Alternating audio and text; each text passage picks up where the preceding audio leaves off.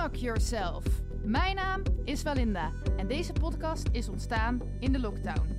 In deze podcast interview ik inspirerende mensen over hun levenslessen en wijsheden.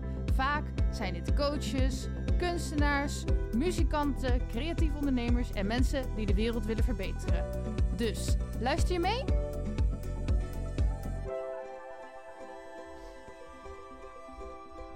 En dan hebben we weer een nieuwe gast in de podcast. En dat is dit keer Hans Zomer. Welkom. Dankjewel. Ehm wie ben je? Zo, nou dan gaan we gelijk de diepte in. Ja. Huppakee. Eh, wie ben ik? Ehm, even in, in het... ehm, ik, ik woon in Arnhem, Mhm. eh, samen met Doreen en twee kinderen, Evie en Job. Eh, ik ben negen, nee, nee, ik ben 48 jaar. Ik was echt 49 jaar. Oh, je was alweer in de ik tijd was al vooruit. weer een tijdje... ja, gisteren was mijn zoon jarig. Ik denk dat ik een beetje in de, in de vakantie of in de, in de verjaardagsstemming zit. Ehm 48 jaar. ehm, ja, wat wil je weten over wie ben ik? Ehm, dus, nou ja, meer van... de- dus ik ben ook altijd van de filosofische vragen. Ja. En eh, dus nu noem je eigenlijk als eerst dat je vooral vader bent, toch? En waar je Ja. woont. Ja. Dus dat is dan waar je het meest mee identificeert. Of nog meer. ja, dat zou kunnen. Ja, het is altijd zo'n grote vraag, hè? Wie Mhm. ben je? Ehm, ik, weet, ik, ik identificeer me ook heel erg met mijn werk. Ik vind het Mhm. ook heel erg leuk, maar ik, ik, ik, ik denk, ik, ben, ik probeer gewoon mensen te zijn. Ja. Ik denk dat dat het is. Ja, ik weet het eigenlijk niet. Ik vind altijd zo'n hele... Weet je, het is ook met zo'n voor, voorstelrondjes ook zo. Wie ben je? Je, Mhm. Ja, wie ben je? Weet je, mijn, mijn NLP-hoofd schiet dan gelijk aan. Heb je, hebt ook, NL ja, je hebt ook NLP. Ja, hypnose gedaan, maar ja, dat, hypnose, dat maar is goed, en dan dat weet is je een onderdeel, ja. identiteitsniveau. Ik denk als van ja, ben ik, ik ben niet, ehm, ik ben niet alleen vader, ik Nee. ben niet alleen eh, zoon, ik ben niet alleen partner, ik ben niet alleen ondernemer. Mhm. Ik ben heel veel. Ja. Ik ben ik. Maar Ja. wie is ik dan? Ja, dat dus. Laatst vroeg iemand eh, bij een bij waar kwam juist van, wat doe je? Toen dacht ik, ja, dat is in ieder geval een duidelijke vraag. Ja, zeker. Ja, ja, dat- Dus, wat doe je? Oh, nou, wat, wat ik doe is, ehm, ik, heb een, eh, ik heb een bedrijf, ik heb eigenlijk twee bedrijven. Eén is Mhm. meer blije klanten. Eh, daar helpen wij bedrijven mee met het vergroten van de klantbeleving. En ehm, een ander bedrijf ben ik net gestart, dat is Diskundig. Eh, en Diskundig is heel erg gericht op het vergroten van bewustzijn in communicatie vanuit de DISC-methode. En de DISC-methode is, ik weet niet of je dat weet, is Ja, kleur, rood, geel, groen, blauw. Mhm. Daar ben ik tien jaar geleden in, in gecertificeerd. En in september, een beetje september vorig jaar, volgens mij dacht ik... Eigenlijk is het wel een hele toffe, eh, toffe methode, waar ik al heel veel in train. maar altijd een beetje los vast, zeg maar. En toen dacht ik, ja, er is, volgens mij is het ook wel gewoon vraag naar... om helemaal specifiek vanuit de DISC-methode te trainen. Dus als onderlegger zijn er rood, geel, eh, groen, blauwe kleurtjes. Mhm. Eh, maar daarin eh, doen we gebieden op leiderschap, communicatie, ehm, eh, teamsamenwerking. Ik geef certificeringstraining. Afgelopen donderdag en vrijdag was de eerste certificeringstraining vanuit Diskundig voor, voor om gecertificeerd, DISC gecertificeerd te worden. Heel erg tof. Dus Maar dat bestond nog helemaal niet. Want ik wist wel dat DISC, zeg maar, dat heb ik ooit, ik heb ooit godsdienst gestudeerd. Ja, En toen moesten we ook de DISC-test doen. vanuit godsdienst? Ja. Oh, lach. Eh, maar er bestond nog geen trainers in. Nee, eh, nee, er bestaan heel veel disc, er bestaan al heel veel trainers in. Ja. Er zijn heel veel bedrijven die ook diskundig, eh, of disc, mijn bedrijf heet diskundig, Ja. die ook eh, met disc werken. Mhm. Ehm, eh, en er zijn ook heel veel bedrijven die ook mensen certificeren om met DISC-methode te werken. Het is gewoon een open model, dus in feite kan iedereen certificeren als je wil. Mhm. En ik heb vanuit diskundig heb ik gedacht, ik wil gewoon op drie takjes zitten. Dus dat is echt de trainingstak. Dus dat is de leiderschap, communicatie en, en eh, teamsamenwerking. Dan deel coaching, dus dat is echt het individuele eh, gedeelte. En de disc-certificering. En ik had eerlijk gezegd niet verwacht eh, dat er al drie, we hebben met drie deelnemers hebben meegedaan, dat er al drie deelnemers zouden deelnemen aan die disc-certificeringstraining. Ja. Dat is ontzettend leuk. Oké, dus, Dus- die certificering, wa- sorry, ik probeer even het nieuwe erin te vinden. Dat Ja. was er nog niet. Voor mij niet. Oké, Ja, de trainer deed ik al, het coachen deed ik ook al. Maar het certificeren om de DISC-methode te, te, te gebruiken, ja, was voor mij nog niet. oké. En, ehm, en er zijn wel heel veel andere bedrijven die dit al doen, maar vanuit diskundig niet. Want ja, ik heb dat in september Oh, heb ik dat opgericht. Ja, oké. En ehm, want ik, wat ik me ervan herinner was dat er vier soorten persoonlijkheden zijn of Ja. zo. Of nee, niet persoonlijkheden, maar eh, ja, hoe noem je dat eigenlijk? Ja, gedrags, gedragsstijlen, Ja, en ik was volgens mij iets met charismatisch of zo, kan dat? Het is echt heel lang geleden voor mij hoor. Ja, dat zou kunnen. ja.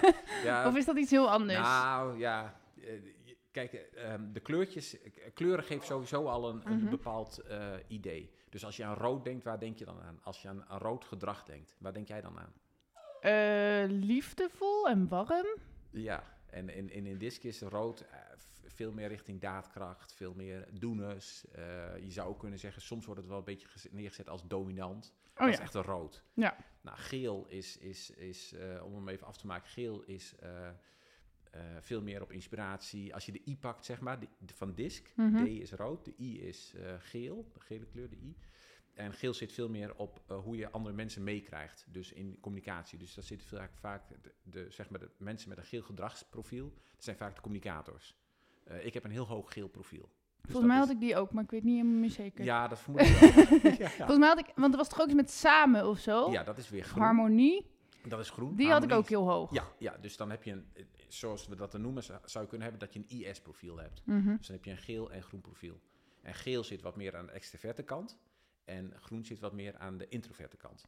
En dus je bent, ehm, eh, dan heb je een, zeg maar een ambiverte stijl, heb je. Die heb ik ook. En dan had je ook nog denkers, geloof ik. Ja, dat is meer, ja, ja, dat is meer het blauwe.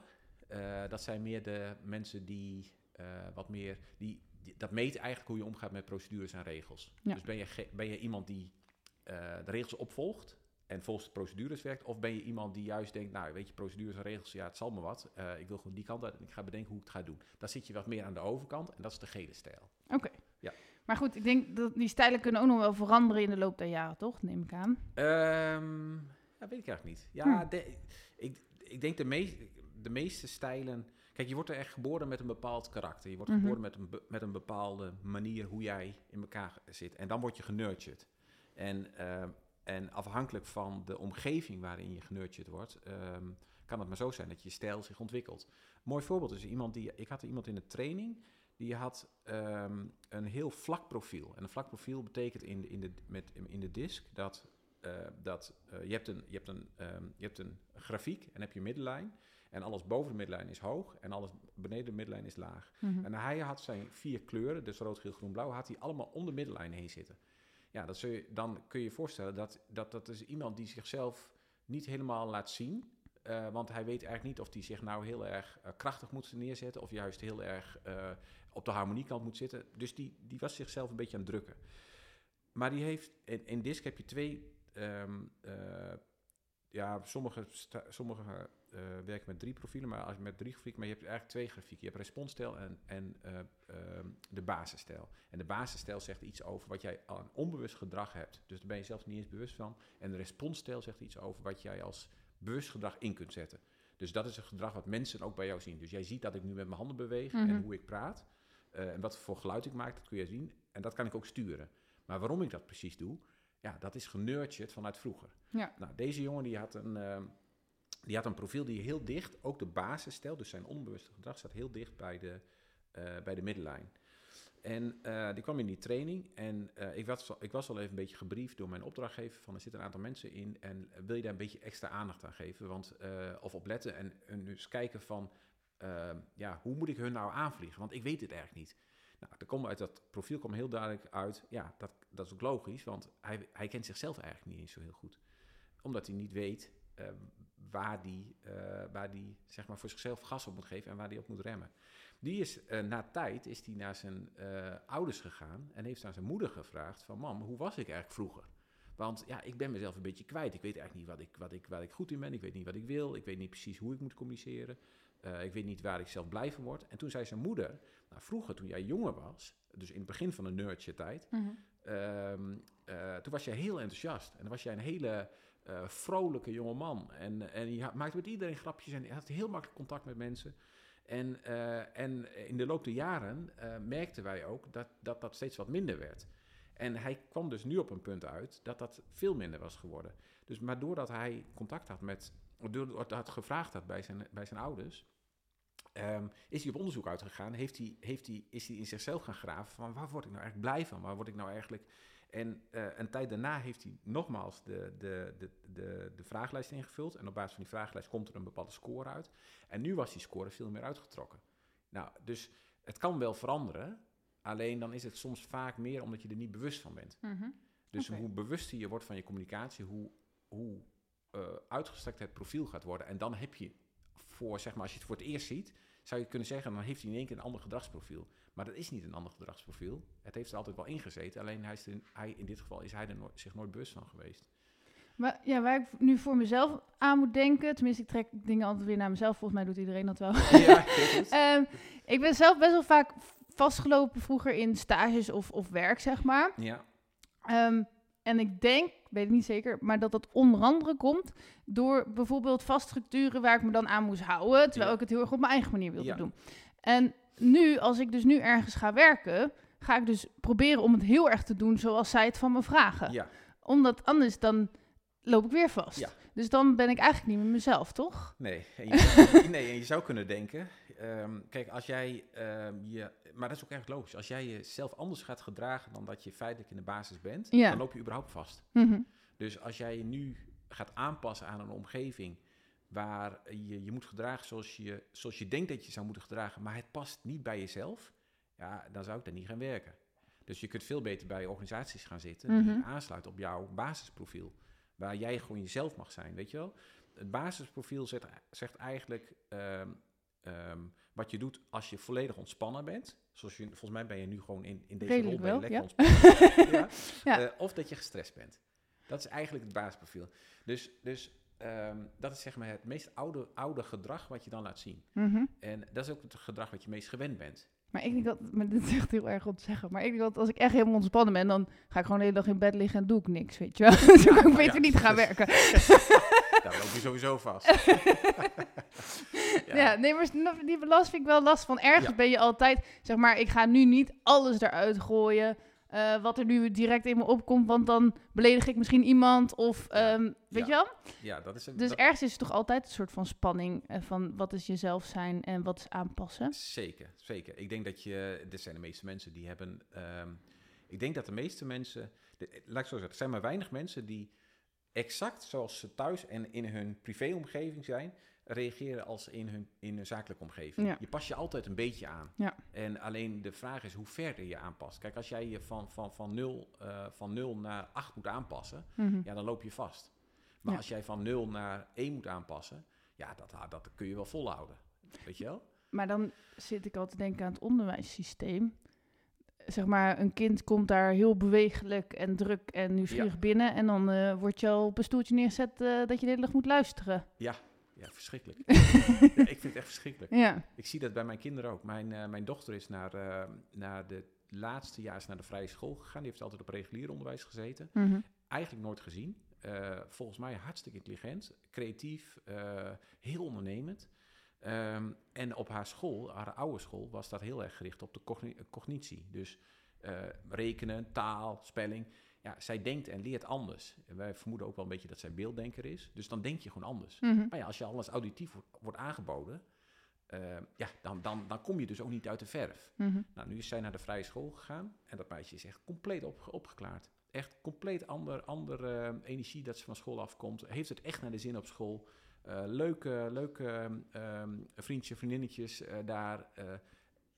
het is compleet anders. Ja. Dus het is, ehm, het is eh, het, het, eh, voor, voor, voor zover ik het onderwijssysteem ken, hè, Mhm. eh, wat ik zo een beetje vanaf de zijlijn zie. Nee, je hebt zo- zo vroeger ook wel aan, aan het onderwijssysteem deelgenomen. Ja, maar daar ben ik niet zo heel erg bewust meer van. Ik weet wel dat ik gewoon één grote dromer was. Oh ja. Dus ik, ik, ik, ik ben eigenlijk overal gewoon doorheen gef, gefladderd. Ik was nooit een, echt een enorme hoogvlieger. Mhm.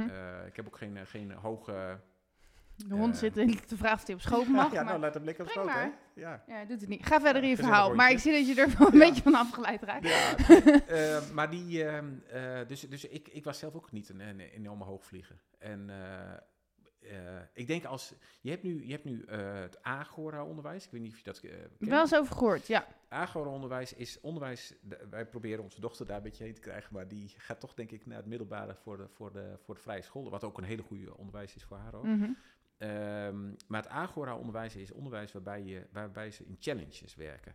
En de, de eerste twee jaar je krijgt gewoon een regulier eh, diploma uiteindelijk, maar de eerste twee jaar ben je met challenges bezig. En, Mhm. dan ben je, en een challenge kan zijn, je wil een podcast opnemen. Nou, ontdek maar hoe je dat doet en ga maar een podcast opnemen. Kijk maar wat voor apparatuur je nodig hebt, hoe interview je, wat zijn echt goede vragen, hoe zit je erbij, eh, eh, nou, dat soort dingetjes. Hoe kom je überhaupt aan gasten voor je podcast?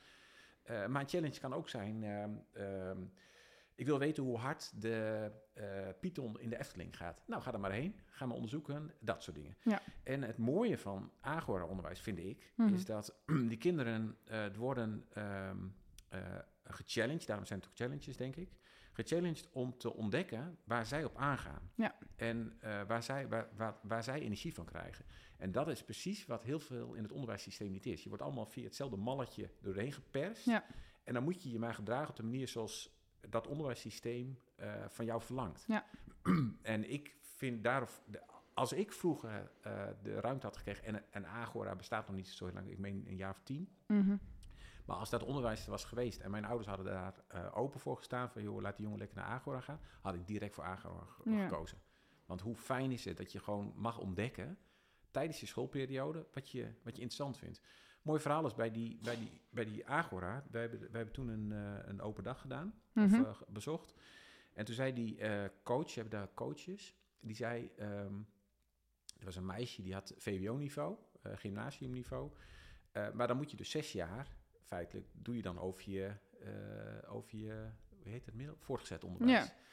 Eh, maar dat meisje kwam er door al die challenges achter van, ik wil gewoon graag met dieren werken. En, en daar gaat mijn hart eh, eh, van aan. Ja, als ik VWO moet doen, dan moet ik dus eigenlijk nog zes, moet ik nog, nog twee jaar langer dan dat ik een VMBO-diploma zou doen. Ja. Nou, en die VMBO-diploma daar gehaald. En die, eh, die, eh, die, heeft, die, heeft gewoon, eh, die heeft gewoon daardoor een goede keuze gemaakt. Of ze uiteindelijk is gekomen, ik weet het niet, dat is het verhaal niet. Maar, dat, maar uiteindelijk heeft zij, omdat zij erachter kwam van waar zij op aanging, Mhm. ehm, is zij een andere richting ingegaan. En hoe vaak worden we wel niet gestuurd als je eenmaal VWO-niveau hebt, moet je dat afmaken, dan moet je ook in een bepaalde positie komen. Ja. Dat is gewoon onzin. Ga gewoon Ja. doen waar je zin in hebt, waar je, waar je, waar je energie van krijgt. Mhm. Eh, en dat, daarom vind ik ook de vraag in het begin van jou van wie ben je? Ik vind dat een rete lastige vraag. Mhm. Dat merk je gelijk al. Ja, ik vind dat ook altijd heel moeilijk. Ja? Maar ik heb dus uiteindelijk voor mezelf een woord bedacht. ja Zinggever. is- Ja, ja, oh ja, ja, ja. ja. Eh, en dat was dus, eh, dus het staat voor zinnen geven, zingeving, zingen en mensen er zin in geven. ja, En ja, dat is volgens mij al, met alles wat ik doe de leidraad, zeg Ja. maar. ja. Ja, Tenminste, tot nu toe wel. prachtig. nou, maar dat is toch mooi? ja. Als je daar alles aan kunt koppelen mhm. en je krijgt er energie van. Ja. Dan, dan, dan heb je toch je ding te pakken en dan kun je eromheen kun je van allerlei dingen doen. Ja. Ehm, en, en, eh, ehm, maar ik denk dat, ik weet het niet zeker hoor, maar ik denk dat er heel veel mensen, eh, ik vraag me eens af waarom er zoveel, bijvoorbeeld zoveel midlife crisis zijn. Mhm. Ik denk dat dat er heel veel mee te maken heeft van, ja, je bent ergens in een soort van mal gedrukt, je bent genurtured naar een, in een bepaalde richting. Mhm. Je hebt maar gedacht dat dat de richting was waar je in moest zitten. Mhm. Eh, en vervolgens eh, word je ouder. En dan kom je op een gegeven moment op een leeftijd dat je denkt, ja, ja iets klopt er niet. Eh, en dan weet je gewoon niet wat er niet klopt. En dan ga je allerlei gekke dingen doen. Je gaat, weet je, de bekende voorbeelden, motorrijden, Mhm. frame gaan, weet ik wat allemaal, wat je Mhm. allemaal kunt gaan doen. Ja. Om maar, om maar erachter te komen waar je zelf op, op aangaat. Mhm. Eh, terwijl als je dat in het begin van je, eh, zeg maar je levenscarrière, om het zo maar even te noemen, al de vrijheid krijgt om te ontdekken van waar je energie van krijgt. Maar dat je ook de, de, de mindset meekrijgt dat als, het, als je van A op dit moment energie krijgt eh, en, ehm, eh, en je hebt het een tijdje gedaan en vervolgens krijg je van A niet zoveel meer energie, dat je dan naar B mag gaan en dat mag onderzoeken. En dat je daardoor niet als wispelturig, wat ik werd vroeger al altijd heel veel als wispelturig eh, Mhm. gezien.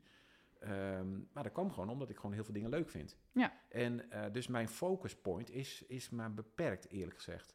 Dus ik kan ergens een hyperfocus op zetten en dan ga ik er helemaal voor. Ja. En op een gegeven moment ben ik er klaar mee. En dan heb ik er gewoon geen zin meer in, doe ik iets anders. Ja. En, maar dat wordt in de maatschappij wordt dat niet altijd geaccepteerd. Want je, want je moet wel, het, als je eenmaal als je A zegt, moet je ook, A, eh, moet je ook B zeggen. Ja. Nou ja, ik denk als je A zegt, zeg je A. En als je B zegt, zeg je B. En als je C zegt, zeg je C. Maar ja, als je het altijd wisselt, dan kan je ook nooit een opleiding afmaken. Of weet je wel? Dus Mm. dan, dan bereik je ook niet zoveel. Ga niet alleen over opleidingen, maar ook weet ik veel met sporten of met wat je dan ook doet. Ja, maar dat is maar de vraag. Ja, vertel.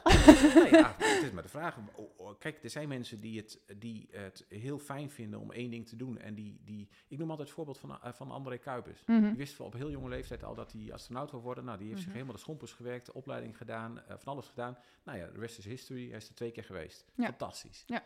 Maar er zijn maar heel weinig mensen. Ik weet niet of jij ze in je omgeving veel kent, maar Mhm. ik ken heel weinig mensen in mijn omgeving Mhm. die van jongs af aan al wisten, dit ga ik doen en dat, dat blijf ik doen en dat, dat hou ik vol. En dan op mijn 65 of 67, weet ik wanneer je nu nog pensioen krijgt. eh, eh, nou, kijk ik terug en ben ik dik tevreden dat ik dat heb Ja. gedaan. De Nee, maar, je, maar ja, als kind weet je ook niet eens precies wat alle mogelijkheden zijn. nee, nee. Dus Maar, maar daarom denk ik ook, wij zijn, wij zijn en dat heeft denk ik allemaal met, ehm, eh, met overtuigingen te maken, met, met mindsets te maken. Ehm, stel je voor dat wij in een maatschappij opgegroeid zouden zijn, dus, Mhm. dus de, de, de, cult, de, zeg maar de collectieve mindset zou zijn. Ehm, ehm, doe gewoon elke keer waar je energie van krijgt. mhm. Dat is het. En, en, en meer niet. En, en dat zou de echte collectieve mindset zijn. Dan zouden veel meer mensen nu gewoon andere dingen gaan doen dan dat ze nu doen. Ja, alleen ik zit wel een beetje in extremiteiten nu te denken. Als Ja. je zeg maar altijd, als je even geen zin meer in hebt, stopt. Ja. Nou ja, dan wa- was deze podcast bijvoorbeeld niet zo lang doorgegaan. Zeg maar. ik, ik doe wel eventjes stoppen soms. Ja. ja, ja, ja. Maar ehm, ja, soms is doorzetten ook een goede eigenschap, snap Nee, je? Doorzetten is 100% een Ja. goede eigenschap. En het is ook niet zo, als, het, als, het, als je het even niet meer leuk vindt, dan, dan stop je. Nee. Alleen als je merkt dat je de, dat de energie... Kijk, als, jij, ehm, eh, als, je, als je merkt dat de energie eruit loopt Mhm. en het loopt er elke keer uit... Ja, waarom zou je dan nog doorgaan? Kijk, als je merkt dat je het even niet... Kijk, eh, a- eh, bijvoorbeeld, afgelopen... eh, dus die certificeringstraining van, eh, van deskundige had ik dus 25 en 26... Nee, eh, wat was het? Weet het niet eens. Voor, vorige week donderdag en vrijdag. Mhm. Welke datum was het eigenlijk? Ja, dat Eh, weet ik 22, 23 februari. was Ja. Ehm, eh, toen, ik hem, toen ik hem in de markt had geslingerd, kreeg ik aanmeldingen. Dus, dus drie deelnemers. Maar ik had nog geen werkboek, ik had nog geen programma, ik had nog geen producten, helemaal niks. Dus ja, dan moest, toen moest ik dus gaan. Mhm. Nou, dat is niet wat ik het allerleukst vind Nee. om, om zo'n werkboek te maken. En dat is ook niet wat ik, waar ik...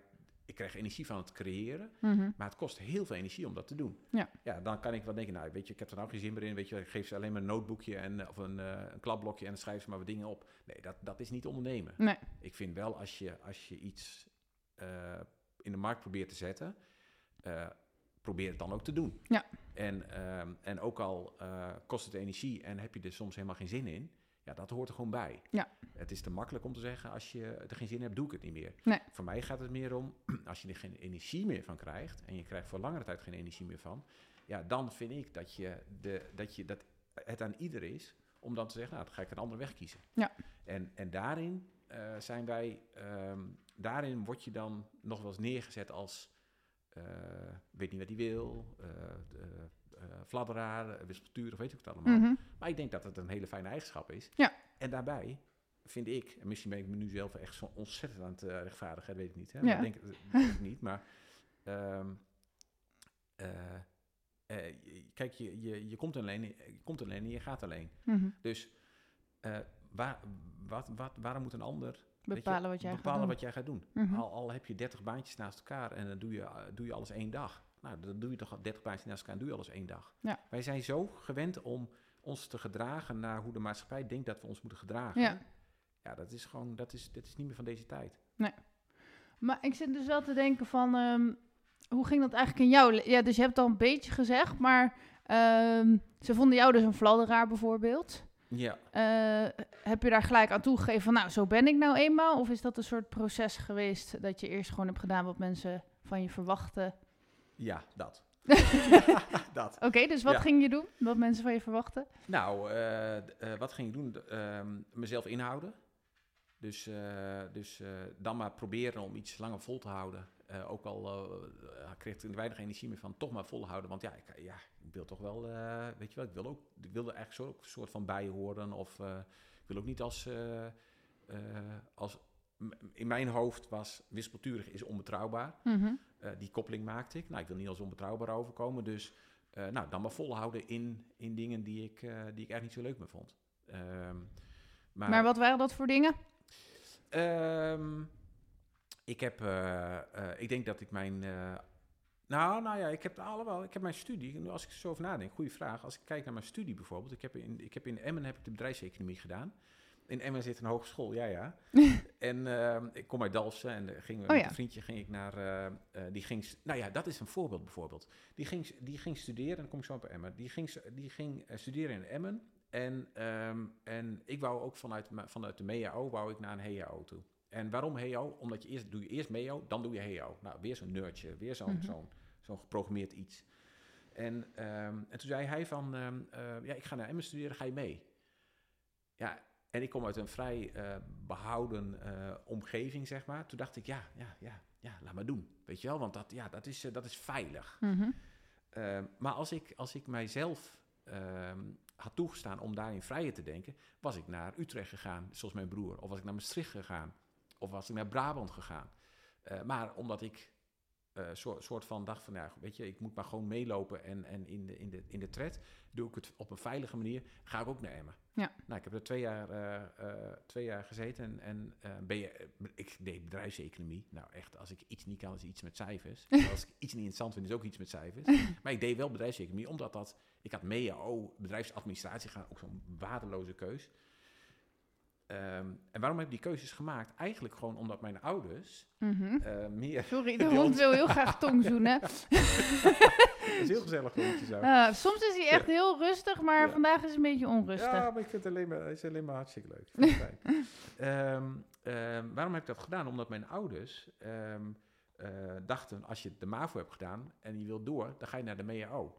Dus ik heb heel veel dingetjes gedaan omdat andere mensen eh, dat, dat wel het beste voor mij vonden. Ja. En, ehm, en hoe ouder ik word, hoe meer ik denk, ja, maar het is mijn leven. Dus ik, ik, ik bepaal wat ik wil doen. Ja. En, ehm, maar dat kost best wel energie als je, daaruit, als je uit zo'n geconditioneerde omgeving komt. Ja, Dus- en gewoon wat je vrienden gaan doen, ga jij ook doen. Dat is Ja. op zich ook nog wel logisch of zo. Ja. En, en zeg maar, als je niet weet dat je naar, weet ik veel, eh, een bepaald land kan, omdat je niet eens het bestaan van dat land weet, ik roep maar dan ga Ja, je er ook niet naartoe. Toch? Nee, dat is zo. En tegelijkertijd zit het ook wel een beetje in. ehm, ehm, kijk, je hebt ook mensen die. de- kijk, mijn ouders waren geen ondernemer. Mhm. Mijn vader was, is altijd ambtenaar geweest en mijn moeder heeft eh, voorheen, toen, toen, toen wij nog jong waren, was altijd thuis. Dus mijn vader heeft, is echt van de zekerheid. Dus hij heeft eh, 40 jaar, of eh, hij is inmiddels eh, natuurlijk met pensioen, maar hij heeft eh, 2, 43 jaar bij de overheid gewerkt. En achteraf zegt hij, als ik eh, had gedaan wat ik het liefst had willen doen, was ik of stedenbouwkundige geworden of boswachter. En dan is hij die ambtenaar geweest en is hij ook nog manager geweest. Nou, met alle respect, hij is een hele, hij is een ontzettend lieve man, Mhm. maar manager is hij niet echt. Ehm, maar is hij wel heel lang geweest. Ja. Dus uit zo'n nest kom ik. Dus gewoon, gewoon doen, weet je wel, niet, niet, niet, niet te gek, gewoon eh, doe, doe het maar bij het normale. Ja. En, ehm, en als je uit zo'n nest komt, waar ik dan uit kom, ehm, is het heel lastig om eh, te zeggen, weet je wat, dikke vinger, ik ga compleet iets anders doen. Ja. Want daar werden wij ook niet in gefaciliteerd. Nee. En, ehm, en dus heb ik heel lang dezelfde dingen gedaan. Ik ben heel lang naar eenzelfde kerk geweest, waar ik zelf al heel lang dacht, ik heb, ik heb echt helemaal geen, geen, geen enkele eh, eh, gevoel bij die, dat type kerk in ieder geval. Heb ik Mhm. geen enkel gevoel bij. Maar ik ga er wel heen. Ja. dus dat is, dat is, dat is wat, wat, wat, eh, wat het hele tijd. ehm, eh, wat, ehm, eh, wat, wat voor mij in ieder geval heel erg heeft bijgedragen dat ik een beetje in dezelfde paadje ben blijven lopen. Mhm. Totdat ik met mijn broer naar Australië ben geweest. Eh, toen merkte ik in één keer, wauw, dit is vrijheid. Eindelijk gewoon onder moeders rok vandaan en, en, en gewoon gaan. Terwijl natuurlijk nog steeds de gedachten eh, liepen. Want, want je kunt eh, 16.000 kilometer verderop zijn. Maar een conditionering haal je er niet zomaar uit. Mhm. En het is ook niet nodig, hè. Mhm. Tenzij je het je tegenhoudt. Ja. En sommige conditioneringen hielden mij gewoon tegen. En, ehm, ehm, en hoe ouder ik nu word, hoe meer ik probeer mijn eigen pad te volgen, mijn Ja. eigen pad te gaan. Mhm. En dan is de vraag die je in het begin stelt, wie ben je, Mhm. is een hele eh, grote voor mij. Ja. Omdat ik soms niet eens weet wie ik ben. Nee. Soms, soms, soms eh, dat nummer van, eh, toen ik hierheen reed, in de auto, dan moest ik denken aan het nummer van, van Ramses Shaffi, van Mhm. Laat mij. Ja. Dus die zingt ook van, ik, ik hou van schamel, ik hou van duur. Ja. Ehm, ik ben ook een beetje, ik ben niet een, ehm, je zou kunnen zeggen, ik ben een vat vol eh tegenstrijdigheden, maar dat is het niet. Ik heb, ik ben gewoon, ik heb gewoon, eh, ik heb gewoon meerdere dingen in mij. Ja. En eh, hoe meer ik dat durf te erkennen, hoe meer ik ook durf eh, eh, eh, zeg maar te kiezen voor verschillende dingen. Mhm. En daar ook voor uit durft te komen. Ja. Dus, dus, dus in ondernemerschap, nou we kennen natuurlijk van, vanuit, de, vanuit de EOC. Mhm. ehm, Edische Ondernemers Challenge ken ik jou, ja? ja, de Ondernemers Challenge, ja. Oh ja. Ehm, daar, ehm, ehm, vanuit ondernemerschap, ehm, had ik heel vaak, en mijn eerste bedrijf was een detacheringsbureau, bedrijf, en daar had ik een hele duidelijke focus. En één focus, ik had één doelgroep, één, ehm, één klantengroep, en ik hoefde alleen maar daarheen te bellen, en dat was het. Mhm. Dat was heel, heel fijn en heel makkelijk. Nou, toen heb ik dat detacheringsbureau ben ik gestopt. en, ehm, en toen ben ik gaan trainen. Nou, als je gaat trainen, je kunt in alles trainen. En dat heb ik dus ook gedaan. Ik heb van- Mhm. van alles getraind. Maar ik doe ook nog een beetje business coaching. En ik word ook nog ingehuurd als spreker. Eh, en ik doe ook nog prestatietrainingen. En ik heb nu ook nog deskundig. En ik heb ook nog meer blije klanten. Dus ik doe heel veel. Ja, Ehm, en dat maakt het soms heel diffuus voor van, ja, als mensen dan vragen, wie- eh, eh, wat doe je? Nou, dan moet ik dit allemaal eigenlijk zeggen. Mhm. Maar als ik, volgens mij, als, je, als ik het een beetje naar de kern toe breng, eh, van wat een beetje de rode draad, jouw ge- zingeving, Mhm. of zinnengeving zei je? Ja, ik noem mezelf zinggever, Ja, omdat ik dus ook zing, ja. maar Ja, het gaat vaak over zingeving. Ja, of zingeving. Ehm, dan, dan, ja, wat is mijn, mijn rode draad? Ik denk dat dat toch wel is mensen inspireren, mensen motiveren. Dat is waar ik, wat, waar ik ehm, Hij is echt Hij heel vervelend. Als ik hem, eh, ik kan hem ook even in de tuin zetten. Oh, nee, dat is, eh, is- kan nog prima. Tenminste, ehm, eh, ik denk dat mijn, mijn, eh, mijn rode draad is eh, enthousiasmeren, ehm, motiveren, activeren, eh, inspireren. Daar zit mijn, dat, dat vind ik leuk. Ehm, en, en, en dat doe ik in alle rollen die ik nu heb, doe ik dat. Mhm. Maar ik doe dat ook in, eh, als ik met, met ehm, eh, de kinderen in de straat aan het spelen ben, probeer ik ze ook eh, een beetje te empoweren. Misschien is empoweren ook wel een goed woord, weet je wel, wat, wat er altijd onder zit. Misschien is empoweren is misschien wel de verzamelnaam van alles wat ik doe. Mhm. Denk ik, bedenk ik me nu in één keer. Mhm. Misschien is dat hem wel. Empoweren, ja. Ik vind het eigenlijk wel leuk. Empoweren. Ja. Ja, empoweren. Zo kan je tot een ontdekking komen hè, in een podcast. ja, misschien, is- misschien is dat wel. Misschien is dat het woord wel. Empoweren. Gewoon het, het, het eh, in, in training vind ik... Oeh, sorry. oeh. dat was iets te veel power. Ja. Eh, in, in, in training vind ik dat ook heel erg tof. Uh-huh. Weet je wel? Ik, vind het, ik vind het als ik een presentatietraining bijvoorbeeld geef, er zijn best wel veel mensen die, die het eh, spannend vinden om voor een groep een, een verhaal te vertellen. Ja. En ik vind het echt onwijs leuk om eh, te merken dat als de, als, als, eh, we doen altijd een nulmeting in die presentatietraining. Dus dan begin je van, ga maar staan en, en dan bereiden ze iets voor en vertel je verhaal maar. Nou, dan zie, je sommige, zie ik sommige mensen staan en denk van, ah, het is helemaal niet nodig, weet je. Je mag er gewoon zijn en je, je bent gewoon mens, je bent gewoon, je bent waardevol en ga dan gewoon staan. Mhm. Eh, maar goed, in hun hoofd werkt dat niet zo, in, Nee. in de wereld dan nog. En dan gaan ze de, de training door en dan aan het einde doen we een één-meting. En dan hebben ze wat ze geleerd hebben, doen ze vanuit dezelfde boodschap waar ze mee begonnen zijn. Ehm, gaan ze aan het einde ook weer vertellen. Maar dan op basis van een structuur die ik ze meegeef. En dan zie, je, zie ik, ehm, eh, niet altijd, maar wel heel vaak, een andere persoon staan. Die met meer zekerheid voor die groep staat. En dan is het technisch kun je er nog steeds wat op, op, op zeggen. Ook als ik spreek kun je ook technisch heel veel dingen op zeggen. Ik ben Mhm. echt niet de perfecte spreker, wil ik ook niet zijn. Ehm, eh, maar eh, om, als, je dus, als ik dus aan het einde van die training zie dat mensen vanuit weinig zelfvertrouwen dan in één keer voor die groep staan en met veel zelfvertrouwen ervoor staan, Mhm. ja, dat vind ik fantastisch. Daar doe Mhm. ik het voor. Ja. Want eh, hoe kikker is het dat, dat je, dat je, dat je ehm, eh, jezelf durft te expressen? Weet je, jij met zingen. Mhm. ik, vind dat, ik, ik heb ooit eh, vier keer zangles gehad. Mhm. En ik, de eerste zangles die ik, die ik had, het was een uur. Mhm. En toen hebben we drie kwartier hebben ge- geluld eigenlijk. En op een gegeven moment zei de zang, eh, zanglerares, die zei, ze, kom je hier om te praten of om te zingen? ik, zei, "Ah, ik vind het gewoon doodeng. Ja, dat dacht ik al, zingen. Microfoon en, en gaan. Ja. Echt, echt doodeng vond ik het. Mhm. Maar jij doet dat heel veel. Ja. En dat is, dat is volgens mij heel kwetsbaar. Mhm. En dat is heel erg eh, eh, jezelf eh, open, openstellen. Ja. Tenminste. Ja, Dus- en soms krijg je ook wel eens negatieve. Het is niet zo. Ik bedoel, jij vond het mooi volgens mij. Ja. Ja, ja, Maar het is niet zo dat iedereen dat vindt of zegt. Of eh, ik heb ook wel eens mensen die zeggen van eh, dat jij denkt dat je kan zingen en nou je mond maar. Ja. Ja. Ja, dat, dat hoort, maar dat hoort dus ook bij jezelf open durven stellen. Ja. Dus, dat je, dat je, dus dat je mensen krijgt die het fantastisch vinden. En mensen die, die hebben er niet zoveel mee. Mhm. En eh, ik denk dat er heel veel mensen zijn die houden zich klein. Ja. Omdat ze bang zijn Dat anderen het niks vinden. dat wat anderen niks vinden. Precies. En dus, dus laat ik het maar niet doen. Mhm. Toen ik de eerste training gaf in 2000, 13 was dat. Toen, toen was bij een gemeente in het, in het westen. En ik had een, eh, een hotel gehuurd en ik wou er van tevoren eh, de nacht ervoor wou ik er zijn. En toen was er een nummer van Emily Sandé. Ken je, de, ken je haar? Eh, klinkt wel bekend, maar... Ja, dat was een nummer over. eh, je, hebt een, je, hebt een, ehm, je hebt een hart van een leeuw, alleen eh, je, je, je, je temt je, of je laat jezelf temmen. mhm. En waarom doe je dat? Weet je wel? Schreeuw het gewoon uit. Zeg gewoon dat je er bent en ehm, je kunt met die mensen, kun je, je, je kunt met je woorden kun je mensen empoweren. Ja. Heb je weer het woord trouwens. Ja. Dankjewel. Ehm, kun je mensen empoweren.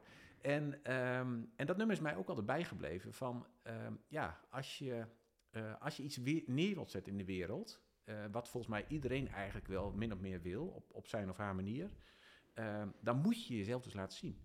Ja. Eh, dus dan moet je jezelf gaan expressen. En ehm, hoe kick is het, is het als je erachter komt dat, eh, dat hoe... Kijk, sommige mensen hebben dat heel, af, eh, vanaf heel jongs af aan al. Mhm.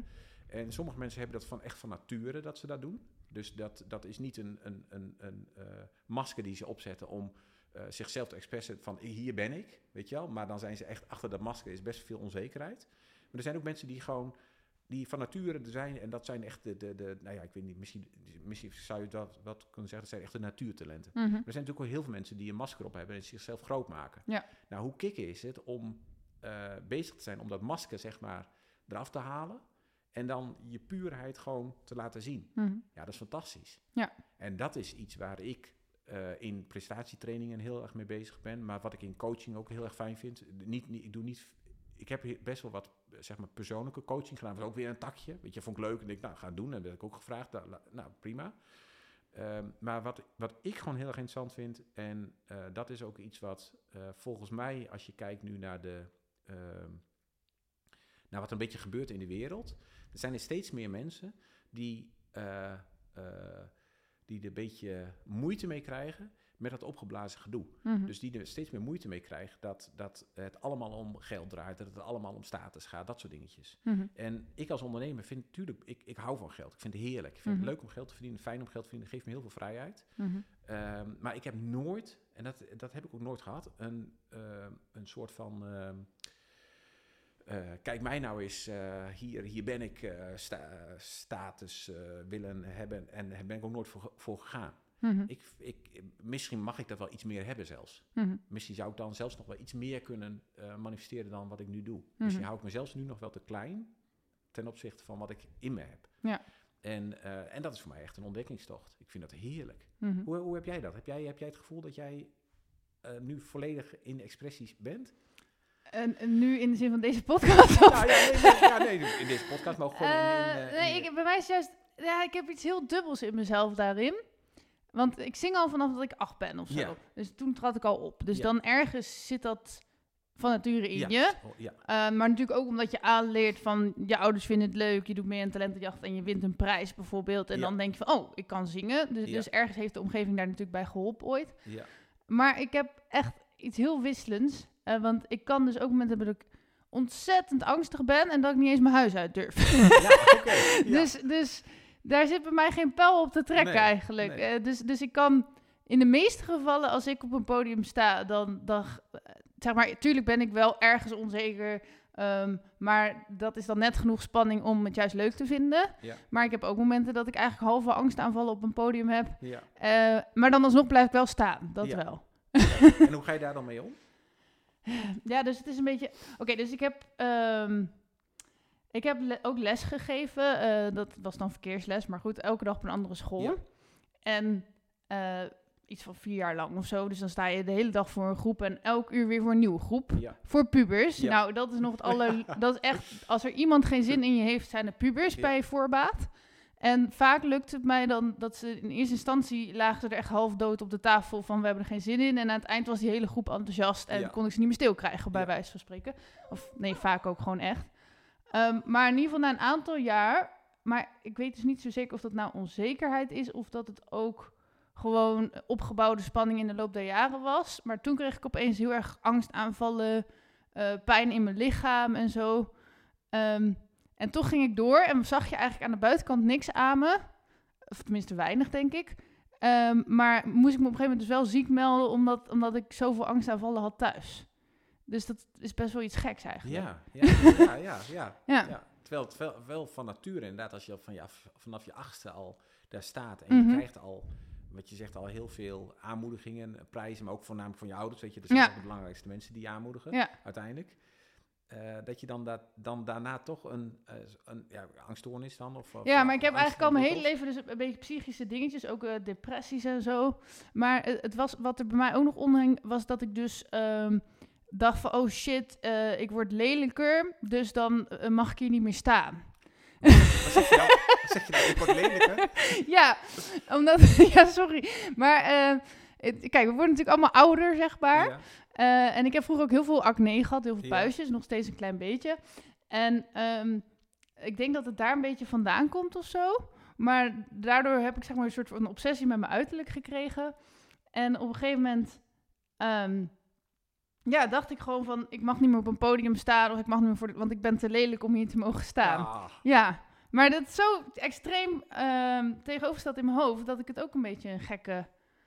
Snap je wat ik bedoel? Want Nee. ik sta, ik sta zeg maar allerliefst op een podium. ja, ja. En tegelijkertijd is die angst zo groot dat ik daar niet mag staan. Dat, Ja. dat ik soms helemaal mezelf psychisch in de war kan maken ervan, zeg maar. Zo. Ja. Ja, ja, dat is, dat is ja, ik, ik, ik kijk naar je en ik kan wel hele zinnige dingen proberen te zeggen, maar dat, Ja. dat weet ik niet. Nee, Ja, ja. nee ja, het is Maar niet dat ik nu wel- vraag om compliment over...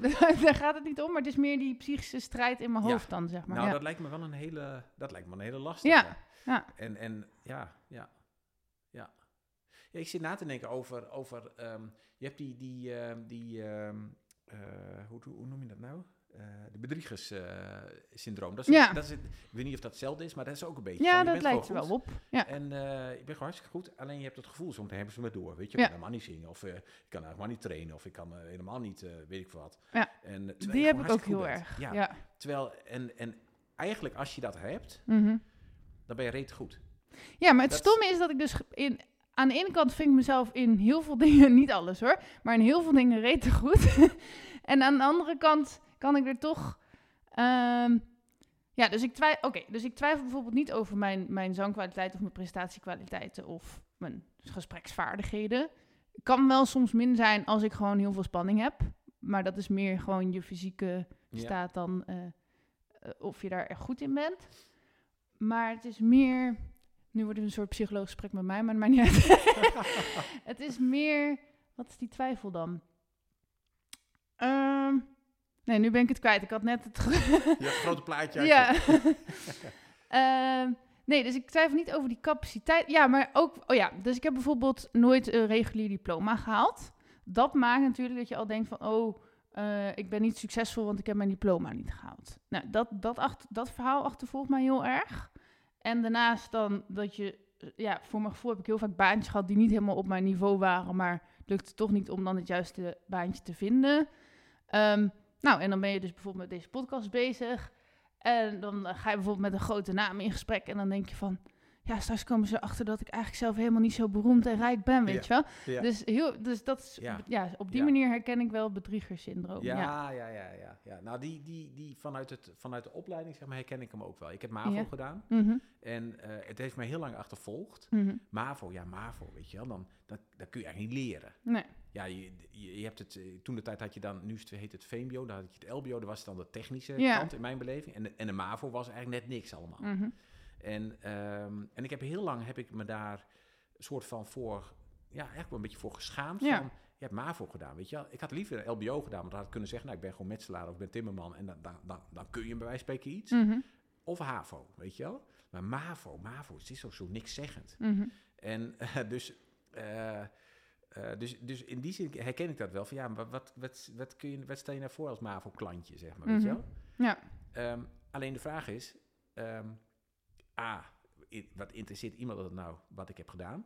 Nou ja, ik, ik loop er dus soms nog met sollicitatiegesprekken nog steeds tegenaan. Nou ja, dat kan me Ja. een beetje voorstellen, maar dan zit je niet, dan zit je niet in de goede Nee. vijver. Ja, klopt. Dus, dus, dus, dus ga, ga dan op zoek. Ik heb in de werkselectie gezeten. Nou, Mhm. Ik heb altijd gedacht, ja, je kunt er echt goed in zijn, eh, maar het moet ook goed voor jou zijn. Ja. Dus, dus een baan kan heel leuk zijn, maar als, jij, als dat niet goed voor jou is, omdat je jezelf dus moet aanpassen, Mhm. omdat, omdat ze zelf daar een soort van oordeel op hebben dat jij geen studie hebt afgemaakt, zit je gewoon niet in de goede vijver. Ja. Zit je niet bij het goede bedrijf. Dan past hij niet bij wie jij bent. Nee. Want je hebt die niet afgemaakt, dus dan moeten ze dat maar accepteren. Mhm. En anders moet je jezelf weer anders gaan gedragen en loop je weer vast. Nou, Ja. dan heb het, eh, het cirkeltje, cirkeltje rond. Ja. En dan lig je dus uiteindelijk gewoon de hele dag in je bed.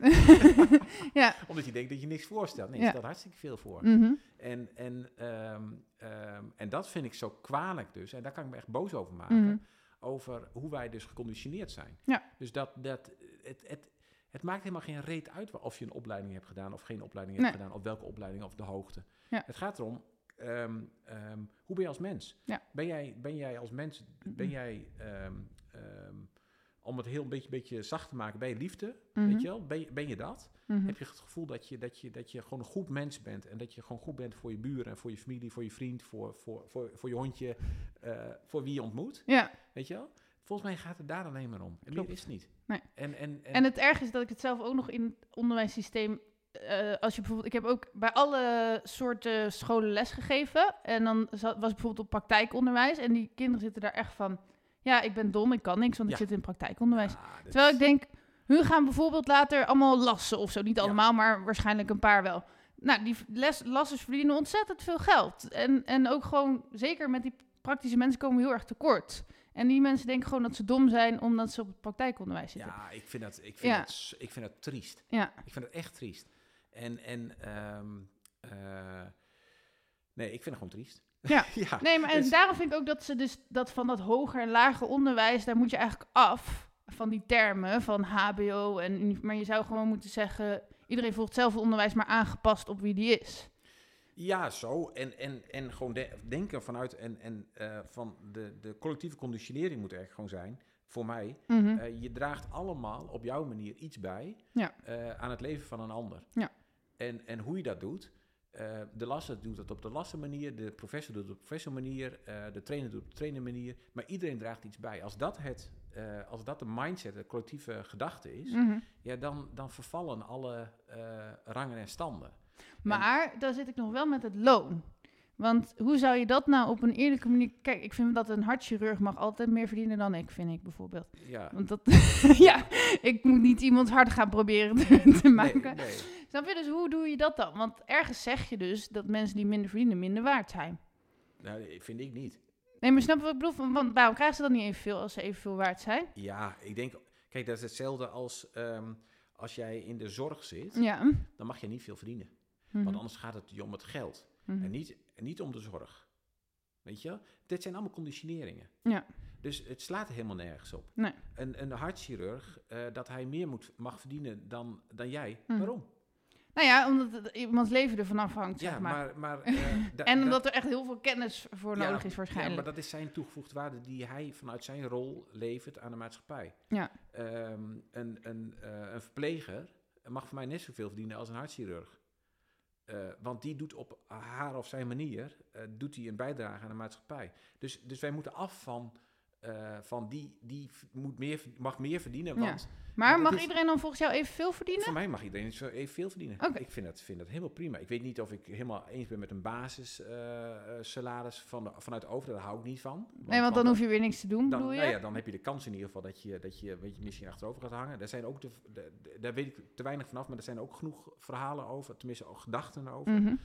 Ehm, maar ik denk dat wij af moeten van, ehm, van de gedachte dat iemand meer toevoegt dan de ander. Ja. En daar, volgens mij zit daar de kern. Ja. En ehm, voor mij in ieder geval. Mhm. Alleen dat heeft natuurlijk te maken met hoe, we, hoe onze eh, wereld is opgebouwd. Dus, dus hoe, hoe het kapitalisme werkt, eh, dat heeft het daar, daar voor, tenminste voor ik koppel dat in ieder geval aan kapitalisme, Ja. daar heeft het mee te maken. Mhm. Ehm, dat heeft te maken met status, met macht. We- een piloot van de KLM eh, verdient meer dan een piloot van Transavia. Waarom? Waarom? Geen flauw idee, weet je Mhm. wel. Maar ja, omdat, omdat de Transavia is, eh, of eh, een, weet ik wel, de EasyJet of zo, is een, ehm, is een prijsvechter. Hij doet hetzelfde werk. Eh, Die doet hetzelfde werk als een buschauffeur bij spreken. Een buschauffeur rijdt op wielen en een, een, een, een piloot doet niet, ja, in, het begin wel een beetje op wielen, maar dan op een gegeven moment klappen de wielen en dan gaan ze de lucht in. Ja. Maar als, je met, als het vliegen fout gaat, gaat het meestal wel fouter dan met een bus. Meestal. Ja, maar dat, ja, maar, maar dat is, dat- maar als, met een bus, als, als je met een bus ehm, eh, het kanaal in rijdt, kan het ook goed fout zijn. Mhm. Wat voor mij omgaat, is dat wij koppelen, eh, wij koppelen doen aan eh, zeg maar, eh, doen koppelen wij aan status en status koppelen we aan geld. Ja. Terwijl, ehm, ehm, ja, in mijn beleving, iedereen, iedereen, jij voegt net zoveel waarde toe als dat ik dat doe. Ja. En, eh, en ik voeg net zoveel waarde toe als, een, als, een, eh, als de minister-president bij spreken. Mhm. Dan kun je zeggen, ja, die heeft meer, eh, die heeft meer zeggenschap of die heeft meer verantwoordelijkheid. Ja, maar ik heb ook mijn bijdrage op mijn Ja. manier. En als de- ik denk wel, ik weet niet hoe dat precies gaat, maar stel de president wordt ziek, minister-president, Ja. dan is het toch altijd wel een vervanger. Het is niet zo dat het hele land dan opeens Nee, instort of zo. niet. Dat zie je ook. Dat zie je Ja. ook. Als hij weggaat, ja, het land eruit wel door hoor. Ja. En misschien zelfs nog wel beter, maar dat is Ehm, ehm, draai- het land eruit wel door. En zo zijn er dus heel veel functies Mhm. waarbij eh, eh, het wel doordraait. Kijk, eh, ehm, eh, er zijn in mijn werk als trainer. Mhm. Ik bedoel, laten we niet altijd serieus, laten we niet altijd serieus over doen. Heel veel trainingen die ik geef zijn nice to have. Mhm. Dus eh, met, met, met een, bijvoorbeeld een klantgerichtheidstraining. Hartstikke, ik, ik geloof erin, ik vind het hartstikke leuk om te, om te doen en ik vind het eh, fantastisch. Eh, maar ik weet ook, als de economie weer naar beneden gaat, dan is de eerste training die wegvalt, is een klantgerichtheidstraining. Waarom? Mhm. Omdat ze dan zeggen, nou, weet je, ga gewoon aan het werk. Zorg gewoon dat je die klant gewoon, gewoon vriendelijk begroet en dat is het dan. Ja. En als de economie weer aantrekt, ja, dan gaan we weer trainen. Dus er zijn heel veel... ehm, mijn werk in feite als trainer is, is, is zo oplosbaar. Mhm. Dat is zo weg. Ja. Ehm, eh, en zo zijn er heel veel functies die zo weg zijn. Ja, en tegenwoordig, ik denk dat eh, steeds meer functies ook meer op elkaar gaan lijken door de computer. Want iedereen zit uiteindelijk een beetje naar zijn schermpje te staren en een beetje te bellen en een beetje mails te beantwoorden. nou dus ja, zo zou kunnen. ja, ja, ja. Ja, dat doet de directeur en nou, misschien doet zijn assistent het. Maar snap je een beetje wat ik bedoel? Van. Dat gaat ook steeds meer op elkaar lijken. Dus waarom zou dan de ene daar maar zoveel, zeg maar, duizend euro voor krijgen en de andere een paar duizend euro? Nou ja, dit- ik denk dat het ermee te maken heeft. Mhm. eh, wij hebben, ehm, je hebt een, de verschillende modellen. Je hebt het, eh, het, het eh, Rijnlands model en het, eh en het Anglo-Saxisch model. Ken Mhm. je die twee modellen? Eh, eigenlijk niet. Nou, Rijn, Rijn zou je kunnen denken als, als voor mij de al de Rijn is fijn en Anglo-Saxisch is angel is, is, is pijn. Angel moet eruit. Mhm. En wij komen van oorsprong vanuit het Rijnlandsmodel. Een Rijnlandsmodel is eh, veel meer gericht op verbinding, veel meer gericht op samen, veel meer gericht op lokaal, dat soort dingetjes. Mhm. En, ehm, en we zijn in de, in, de, in de loop der tijd overgegaan op het Anglo-Saxisch model. En het Anglo-Saxisch model, Anglo-Saxisch model is gericht op winstbejag, is op aandeelhouders eh, dingetjes, op eh, zelfverrijking, dat soort dingen.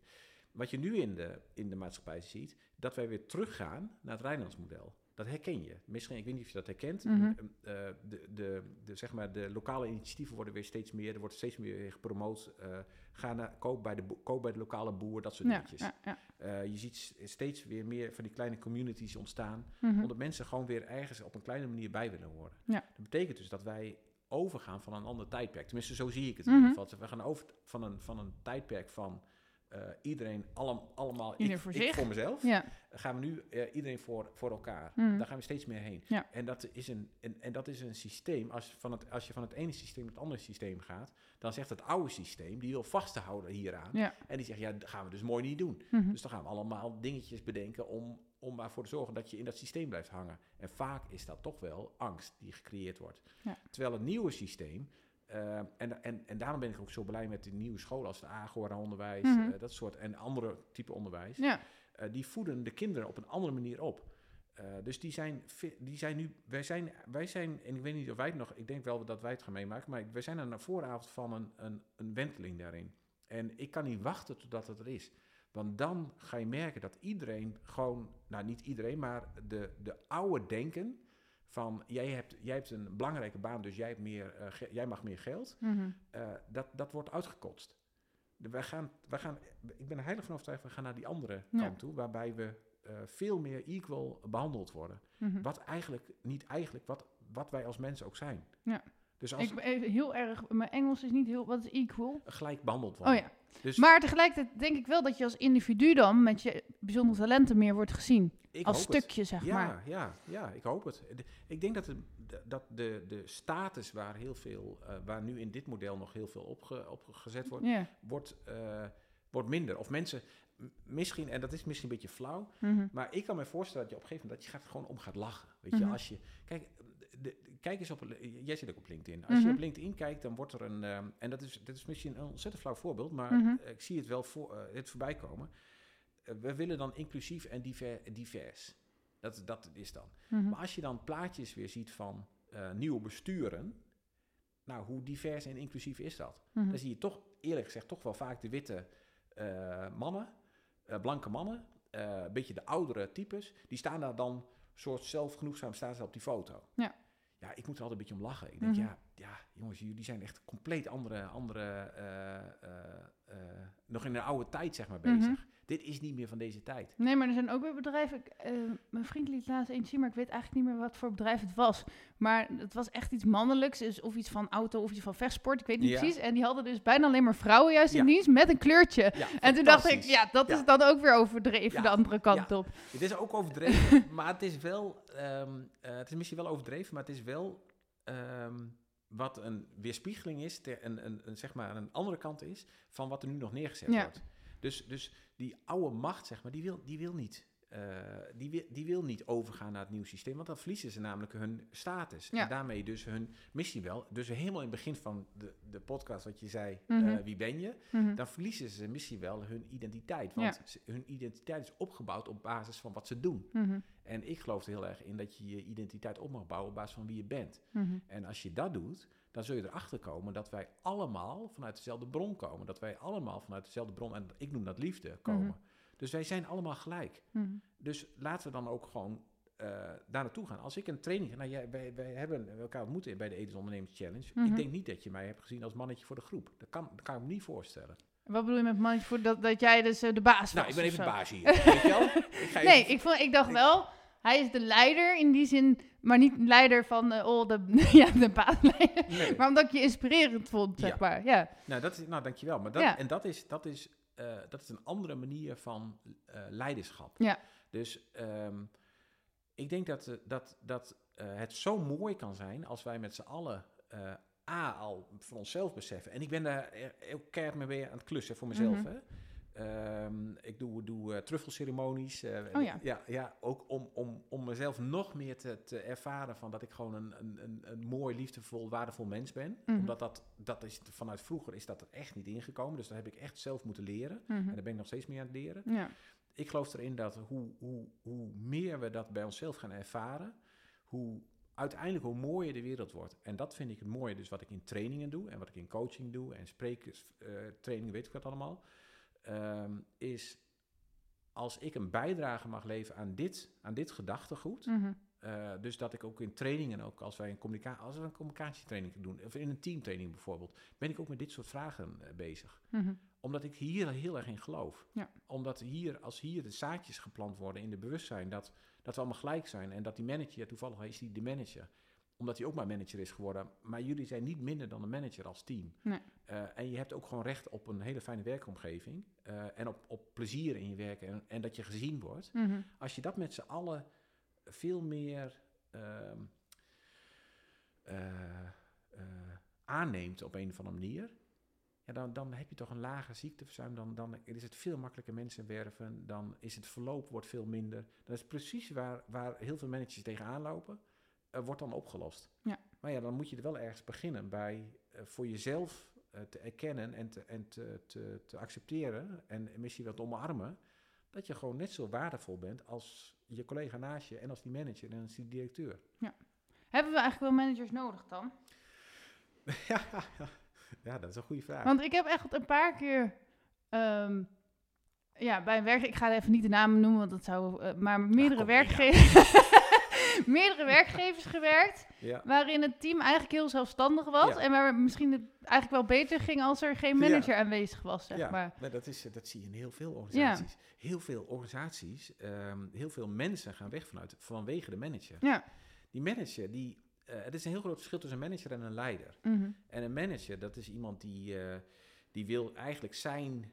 eh, die, kijk, een manager wordt vaak aangestuurd door iemand weer bovenaf. Dus, die, dus die, die, die moet een bepaalde resultaat halen. En die manager die wordt, krijgt opdracht. Jij zorgt ervoor met je team dat je dat resultaat haalt. Nou, wat gaat zo'n manager doen? Die gaat, die gaat eh, eh, zoveel mogelijk pushen om ervoor te zorgen dat zijn doel, en dat is dan omdat hij ook afhankelijk is van, van de structuur erboven, Mhm. eh, gehaald wordt. Ja.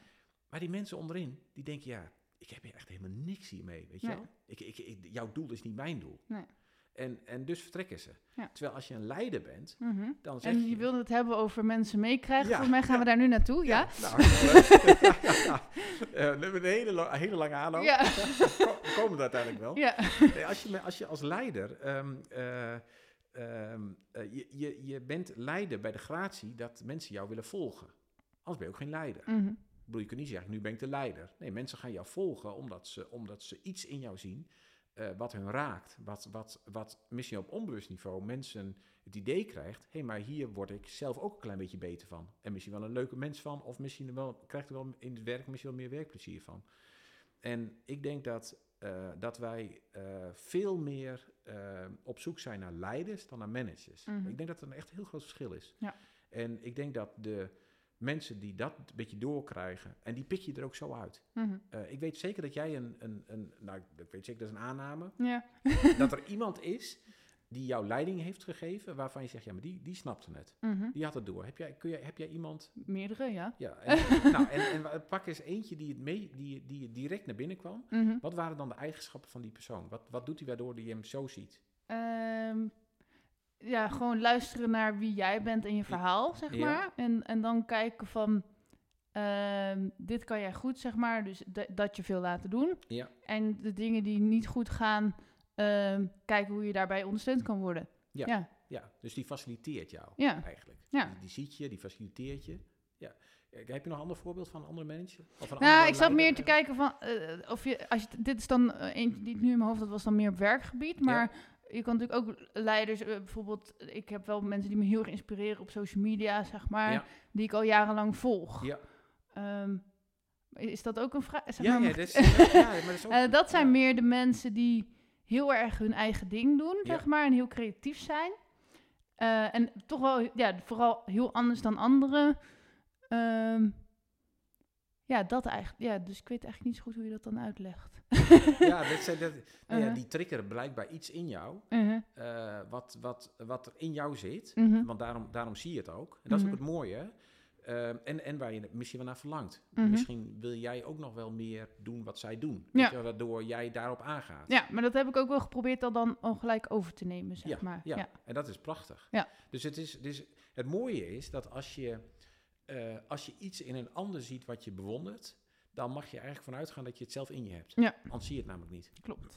en eh, dus als jij. eh, dus di- dit doe ik in, in, in de presentatietraining ook altijd. Mhm. Dan laat ik ze een, een eh, dus de, de nulmeting wat ik het over had, die laat ik ze doen.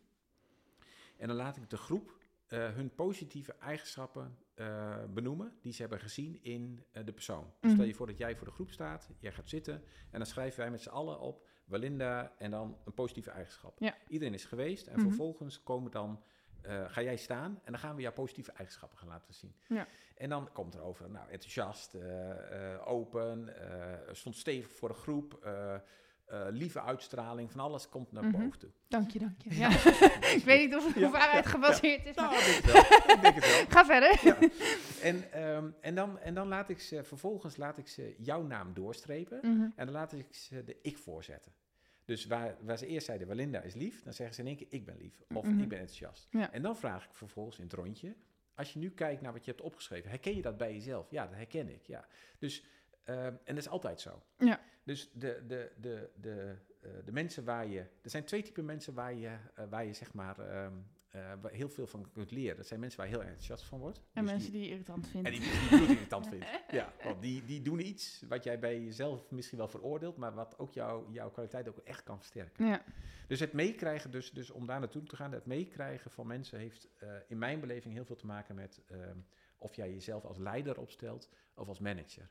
En eh, als je kijkt naar niet zozeer in de functionele rol leider-manager, maar als je gewoon in de, in de algemene rol kijkt. Ja. Je hebt heel veel managers, ehm, dat zijn de mensen die, eh, die jou gaan vertellen hoe je dingen moet doen. Mhm. Dus die, eh, je moet het gewoon zo op deze manier doen en, en zo, zo, zo werkt het. En blam. Ja, daar geloof ik niet in. Nee. Ik geloof erin dat, dat mensen zijn, zijn zelf wel intelligent en creatief genoeg om te ontdekken hoe zij het op de hun manier willen doen. Maar het is wel heel fijn als je dingen aangereikt krijgt. Zo zou je het kunnen doen, zo zou je het kunnen doen, zo zou je het kunnen doen. Ja. Eh, Kies maar wat jij het zelf meest prettig vindt. Mhm. En dan ben je een leider. Ja. In mijn beleving. Mhm. En, eh, en dan krijg je mensen mee. Dus mensen, mensen meekrijgen is niet zo heel moeilijk. Nee. Is echt helemaal niet moeilijk eigenlijk.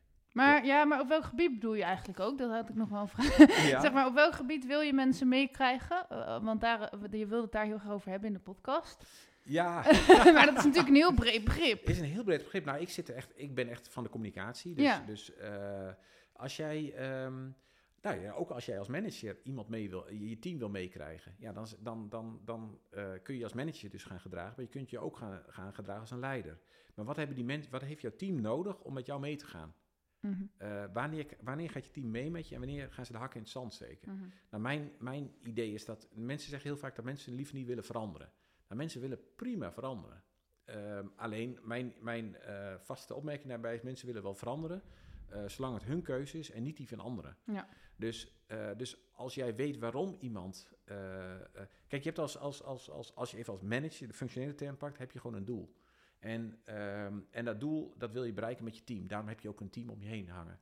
Ehm, alleen zolang, het, zolang dat hun doel niet is, komen ze niet in, met je in beweging. Nee. Dus doelen moeten in mijn beleving voldoen aan drie dingetjes. Ze moeten helder zijn, dat weet je die, die Mhm. hele ouderwetse smart Ja. gedachte. Specifiek, meetbaar, acceptabel, realistisch, tijdsgebonden. Tijdsgebonden, die moet het zijn. Ja. Dat is, dat is belangrijk, dus dan weten ze waar ze ja op zeggen.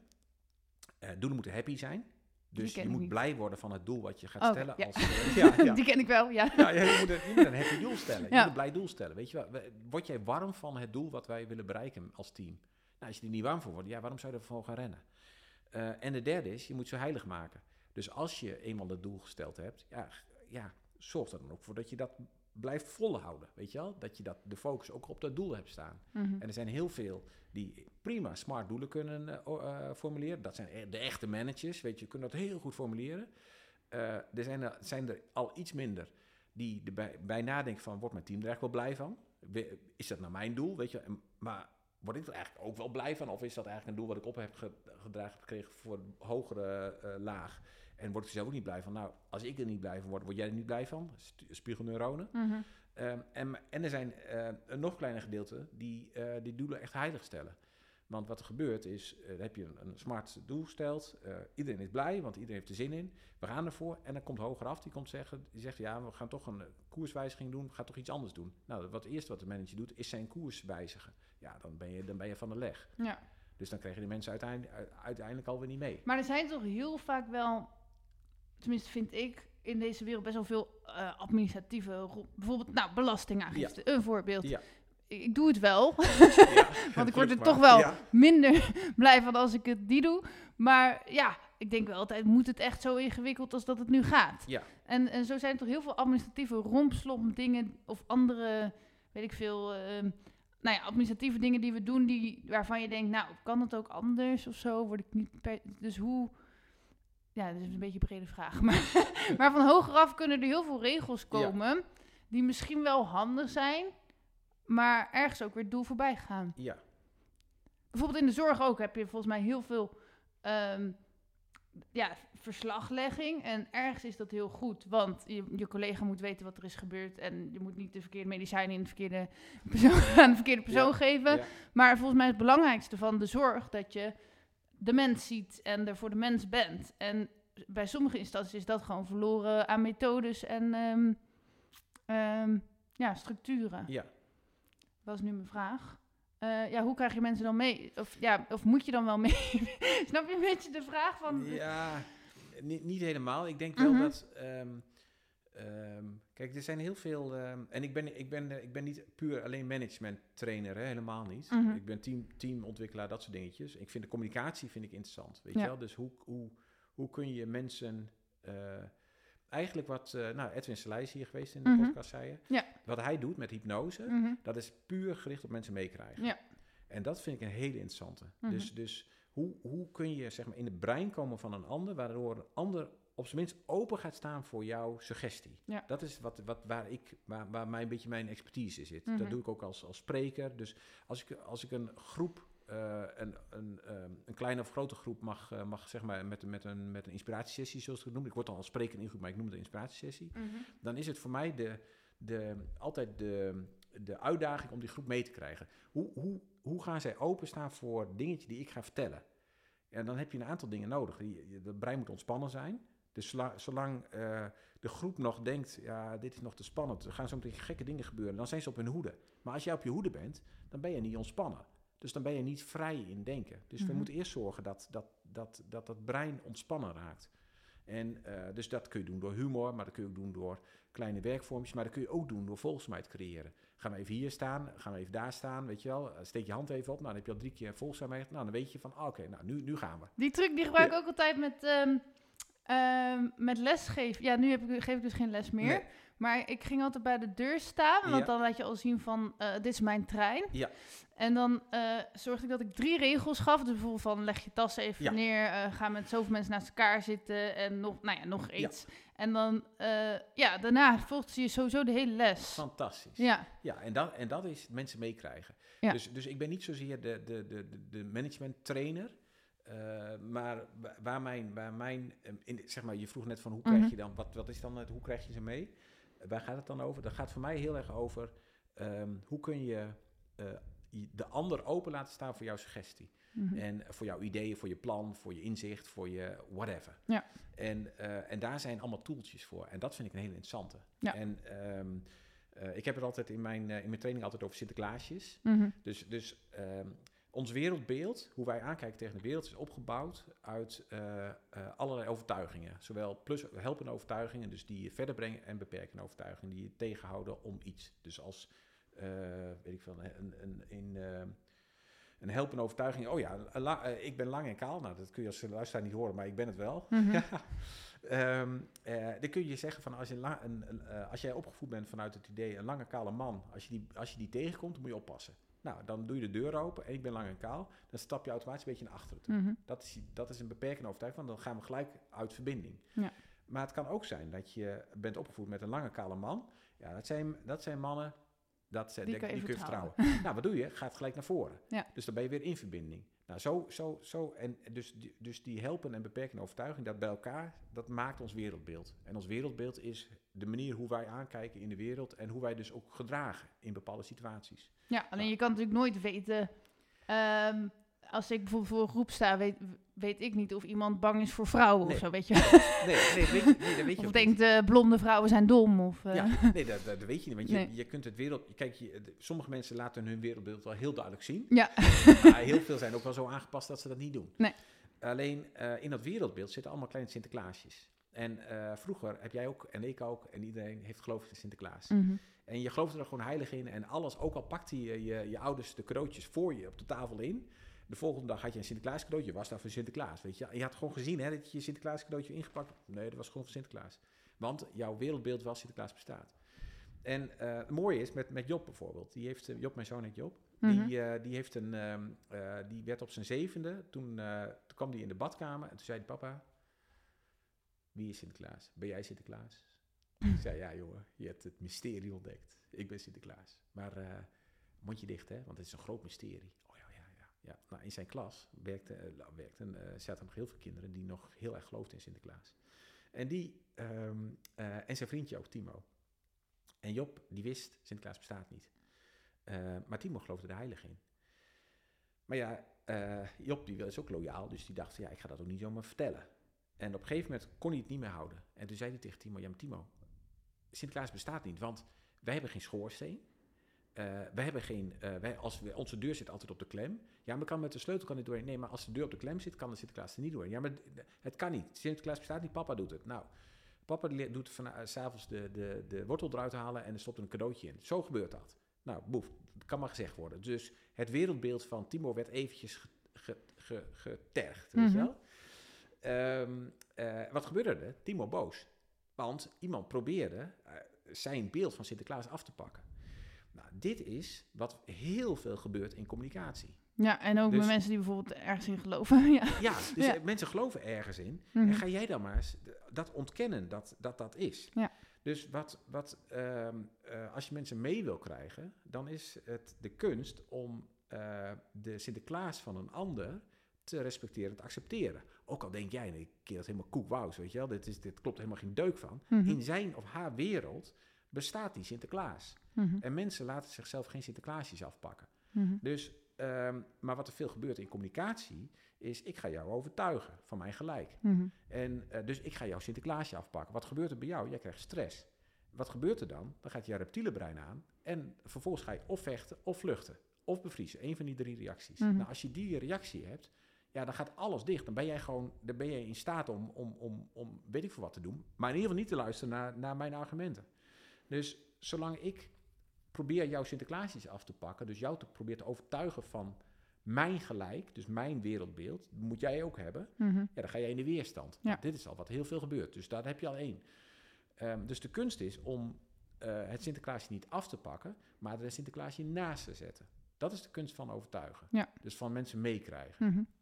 Ik wil best eh, naar jou luisteren als ik het gevoel heb dat ik mijn wereldbeeld gerespecteerd wordt. Vind ik het prima om naar jou te luisteren. Ook ben ik nog niet eens met, jou, met jouw verhaal. Mhm. Het kan wel zijn doordat jij mij respecteert in mijn wereldbeeld.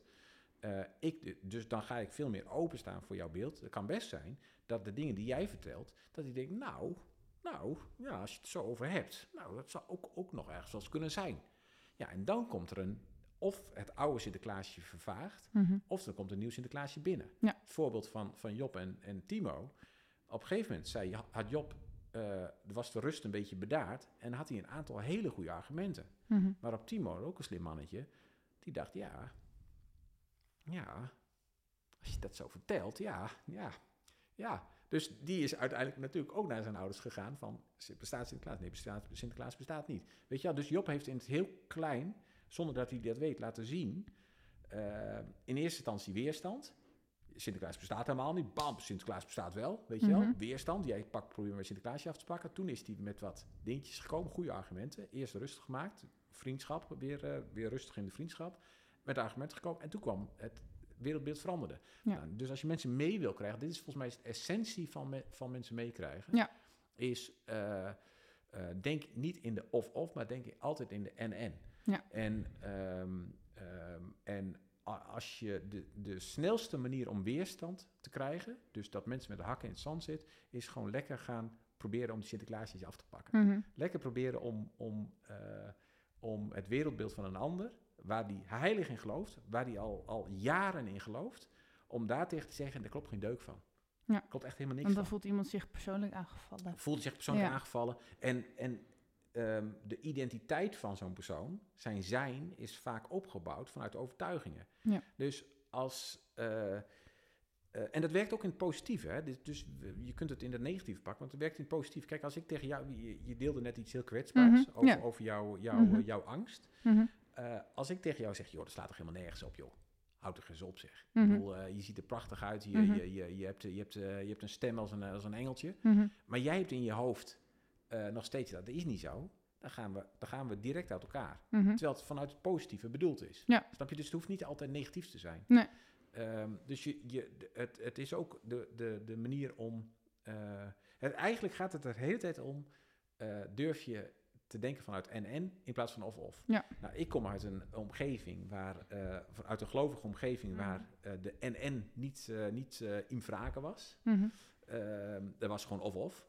Het was gewoon je gelooft of je gelooft niet. En als je gelooft, dan ga je, dan ga je naar de hemel. En als je niet gelooft, ga je naar de hel. Nou, Ja. zo, zo bot werd het gezegd. Eh, en ik heb op je hele jonge leeftijd al gedacht, ja, dat klopt niet. Alleen omdat eh, ik in een kerk zat waar dat zo vaak verteld werd, ben ik daar zelf ook in gaan geloven. Dus had ik hele grote angsten over doodgaan. Heb ik ook gehad. Want ik ben dus heel christelijk geweest vroeger. Ja, Ik had ook godsdienst gestudeerd. oh, ja. En toen op een gegeven moment ben ik ook mijn geloof verloren. Heb ik Ja. maandenlang eh nachtmerries gehad dat ik in de hel zou Ja. komen. Ja, nou moet je, moet je zien wat, wat, wat, een, wat een impact dat heeft. Ja. En dat is het Sinterklaasje wat aan het werk is. Mhm. Nou, dan komt er iemand, dan ontmoet je, ik weet niet of het zo is, maar dan ontmoet je iemand Mhm. en die zegt, ja, maar die, die is namelijk niet zo opgevoed, Mhm. o- eh, opgegroeid. Die is opgegroeid vanuit, eh, er is niks. Ja. Er is, na tijd is er niks. Ja. Het is gewoon, gewoon, je gaat gewoon, je bent hier en je, daarna ga je dood. Ja, de, hel, hemel, geen flauw idee. En die gaat tegen jou zeggen, ja, Belinda, joh, maak je niet zo druk. Die hel, die bestaat helemaal, niet, die bestaat helemaal niks. Ja. En da- maar dat merkte ik toen ook, dit is al heel lang geleden voor mij nu hoor, maar eh, dat je inderdaad de, de gelovigen die zeiden van, eh, ja, je moet gewoon niet zo twijfelen, gewoon bidden en je komt er wel uit, Ja, weet je wel. Ja, En de ongelovigen zeiden van, wat stel je aan en wat maak Ja. je je druk en laat iedereen lekker achter je. En toen dacht ik, ja, maar niemand begrijpt dit. Allebei begrijpen ze me niet. nee, En eigenlijk begrepen alleen mensen die dan zelf ook hun geloof soort van verloren waren of in ieder geval twijfelend. Alleen die begrijpen je echt, zeg maar. Ja, die, die begrijpen een beetje Mhm. hoe jij, eh, hoe je denkt. Ja.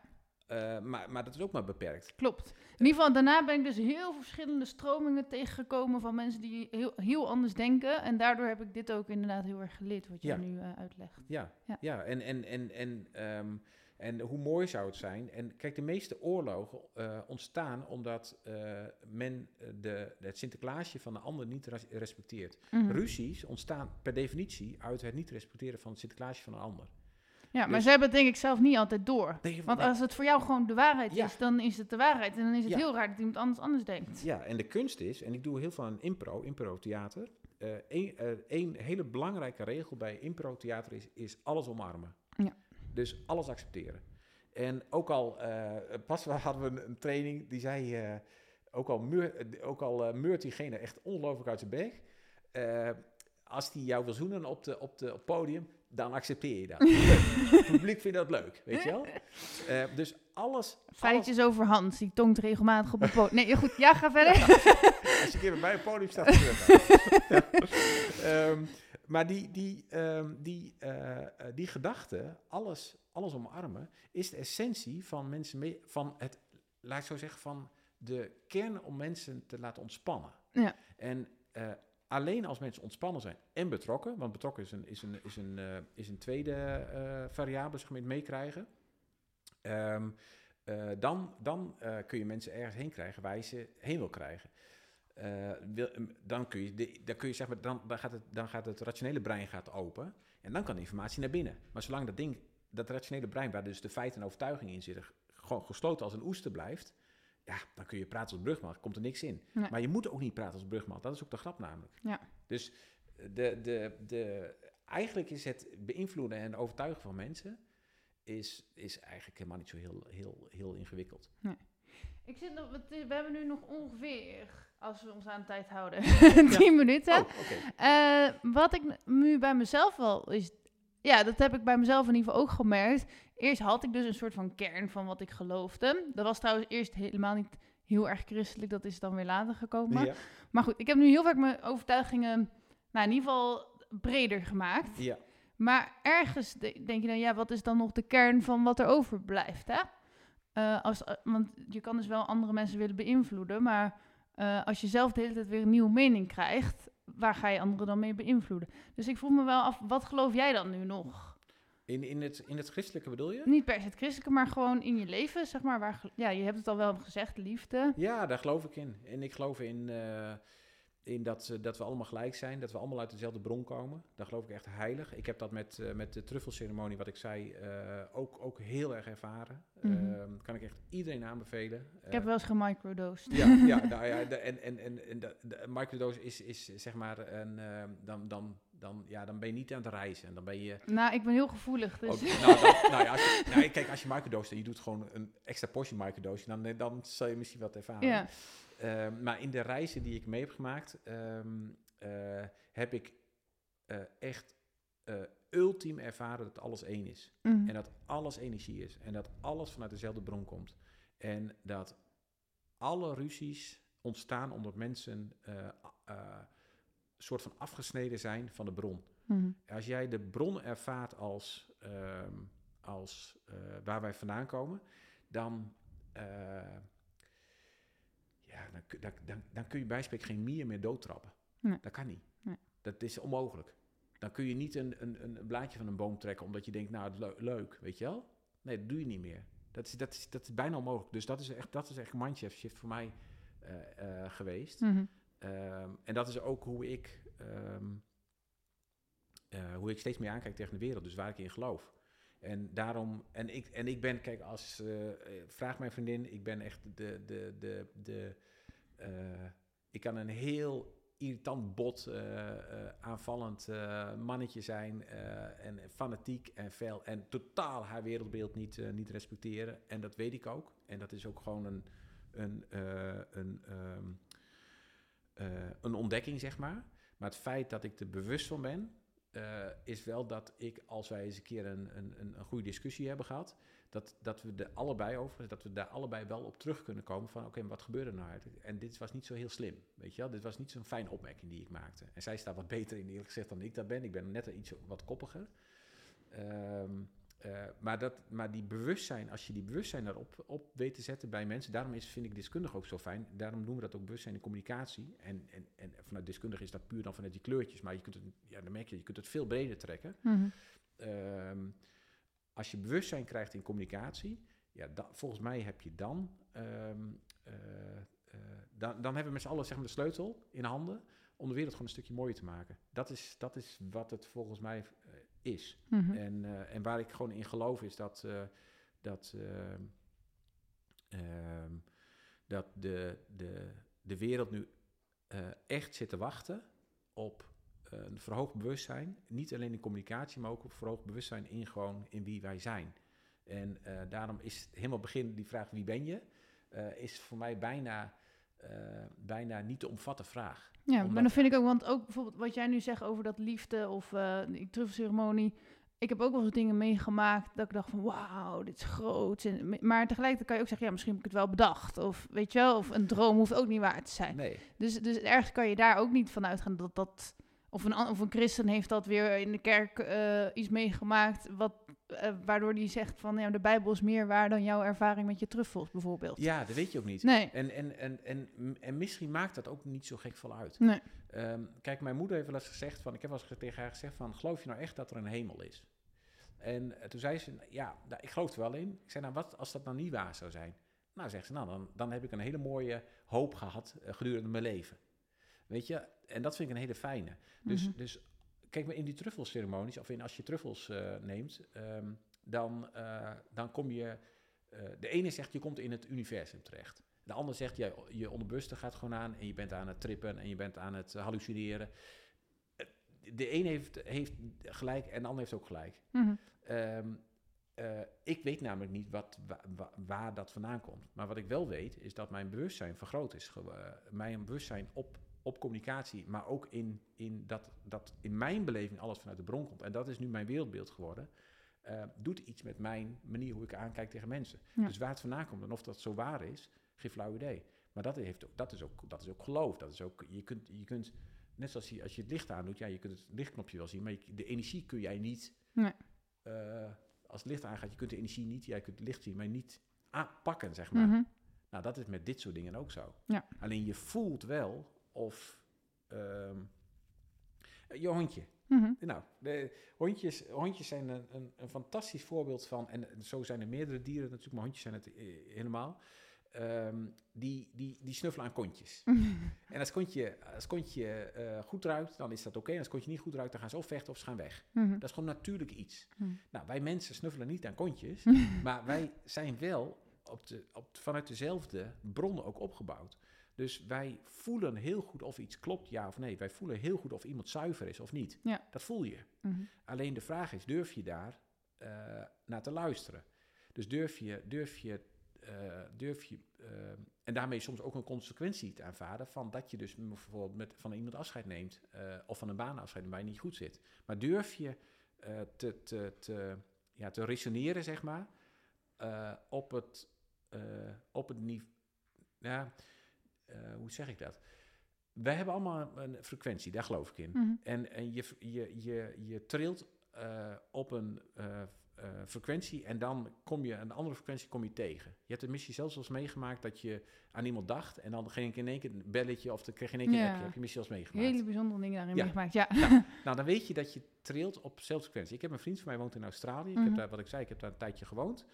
En ehm, als ik aan Jono denk, dan kan ik er bijna donder op zeggen dat ik eh, of een appje krijg, of eh, dat hij de twee dagen daarna belt, of weet je wel, eh, zoiets. Dat komt heel vaak voor. En andersom is dat ook zo, Mhm. schijnbaar, want hij vertelde dat. Ja. Dat is frequentiewerk. En, wij, wij, en alles is energie, dus wij, wij, wij trillen op een bepaalde frequentie. Nou, nu kun je je frequentie verhogen. En dan kom je dus ook in een hogere frequentie terecht. Mhm. Een hogere trilling. Daar kom je Mhm. dus andere mensen tegen. Maar de mensen die, die als jij omhoog trilt, dus richting liefde, richting nou, echt een hoge richting, ehm, eh, wat is dat? De, de liefde, er zit er nog in dankbaarheid, is een hele hoge trilling.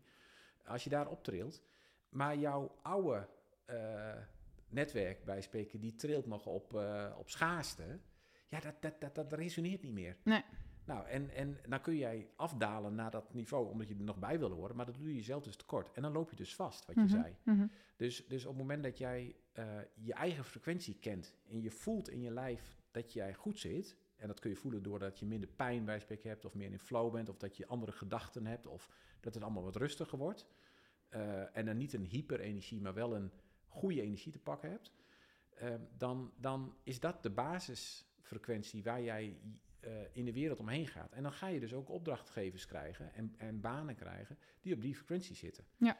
En, en, ehm, en ik vind het heel mooi om, eh, om, om dit zeg maar ook in trainingen mee te geven. Dat als je met iemand communiceert en je voelt dat het zo trilt, eh, ja, wat doe je dan?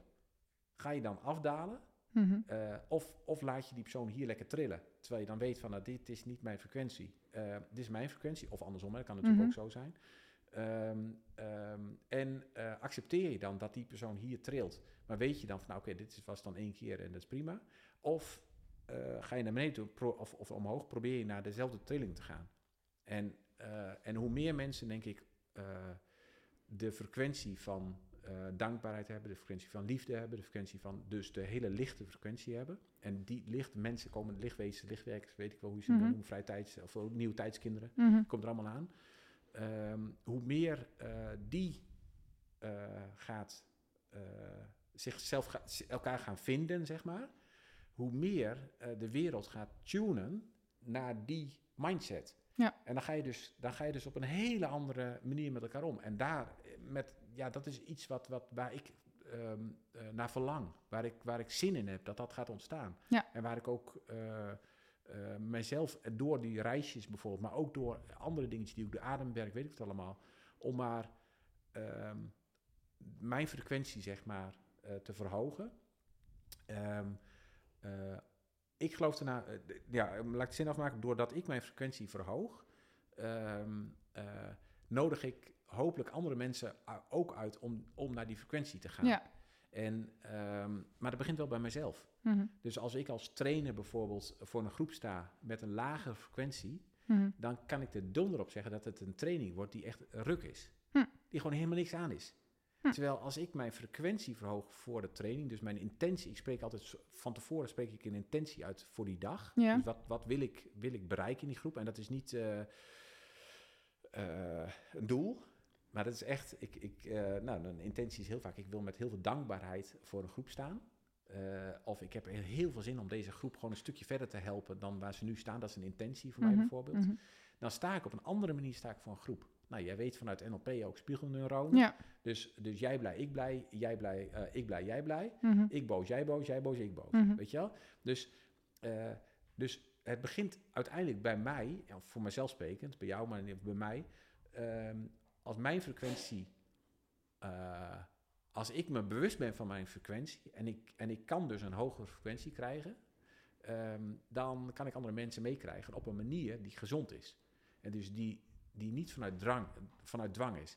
Kijk, mensen meekrijgen vanuit dwang is niet zo moeilijk. Mensen onder druk zetten, eh, angst is een hele eh, heftige eh, trigger. Mhm. Maar angst is een hele lage frequentie. Ja.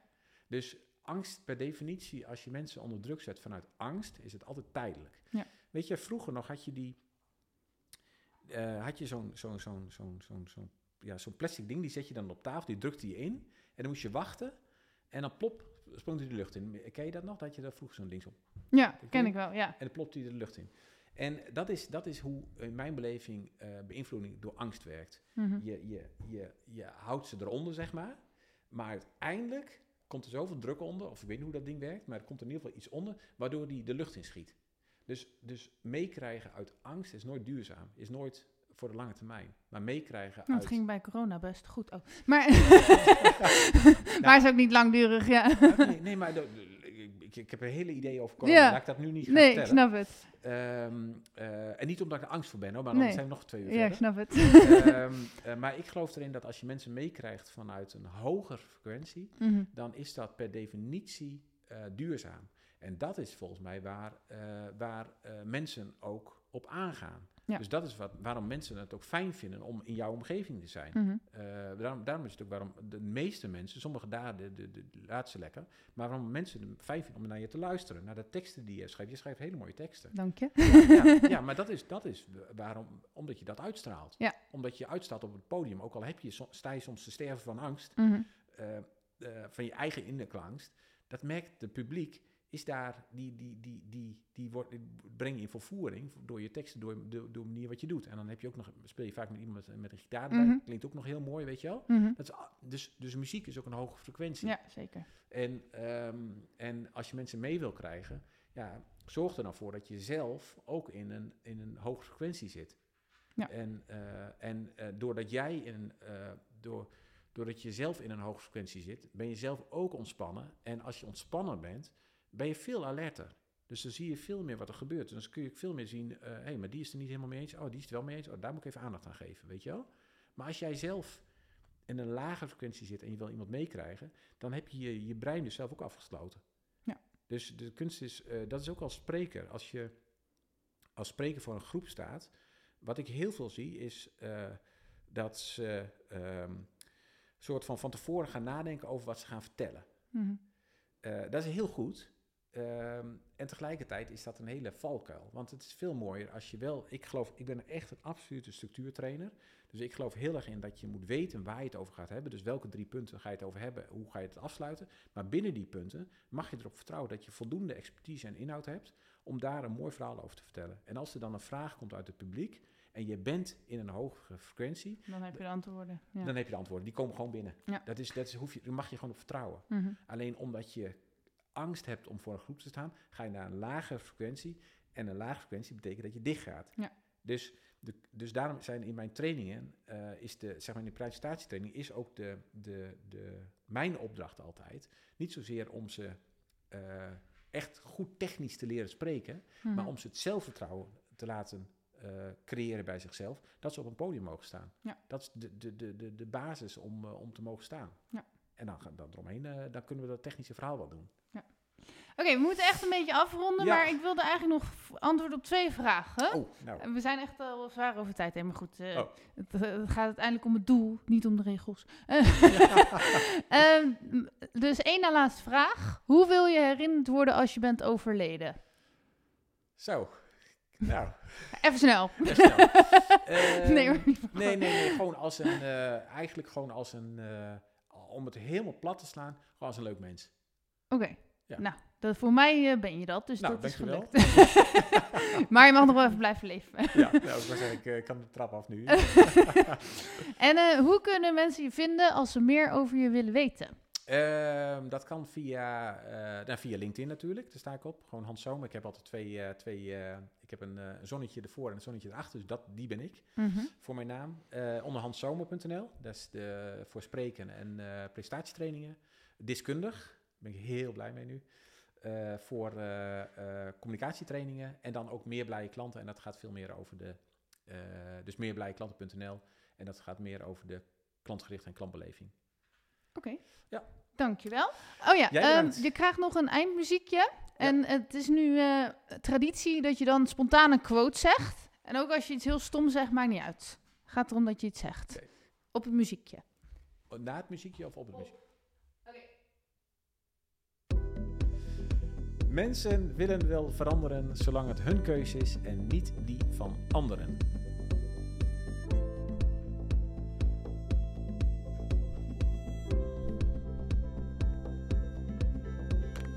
Meer weten?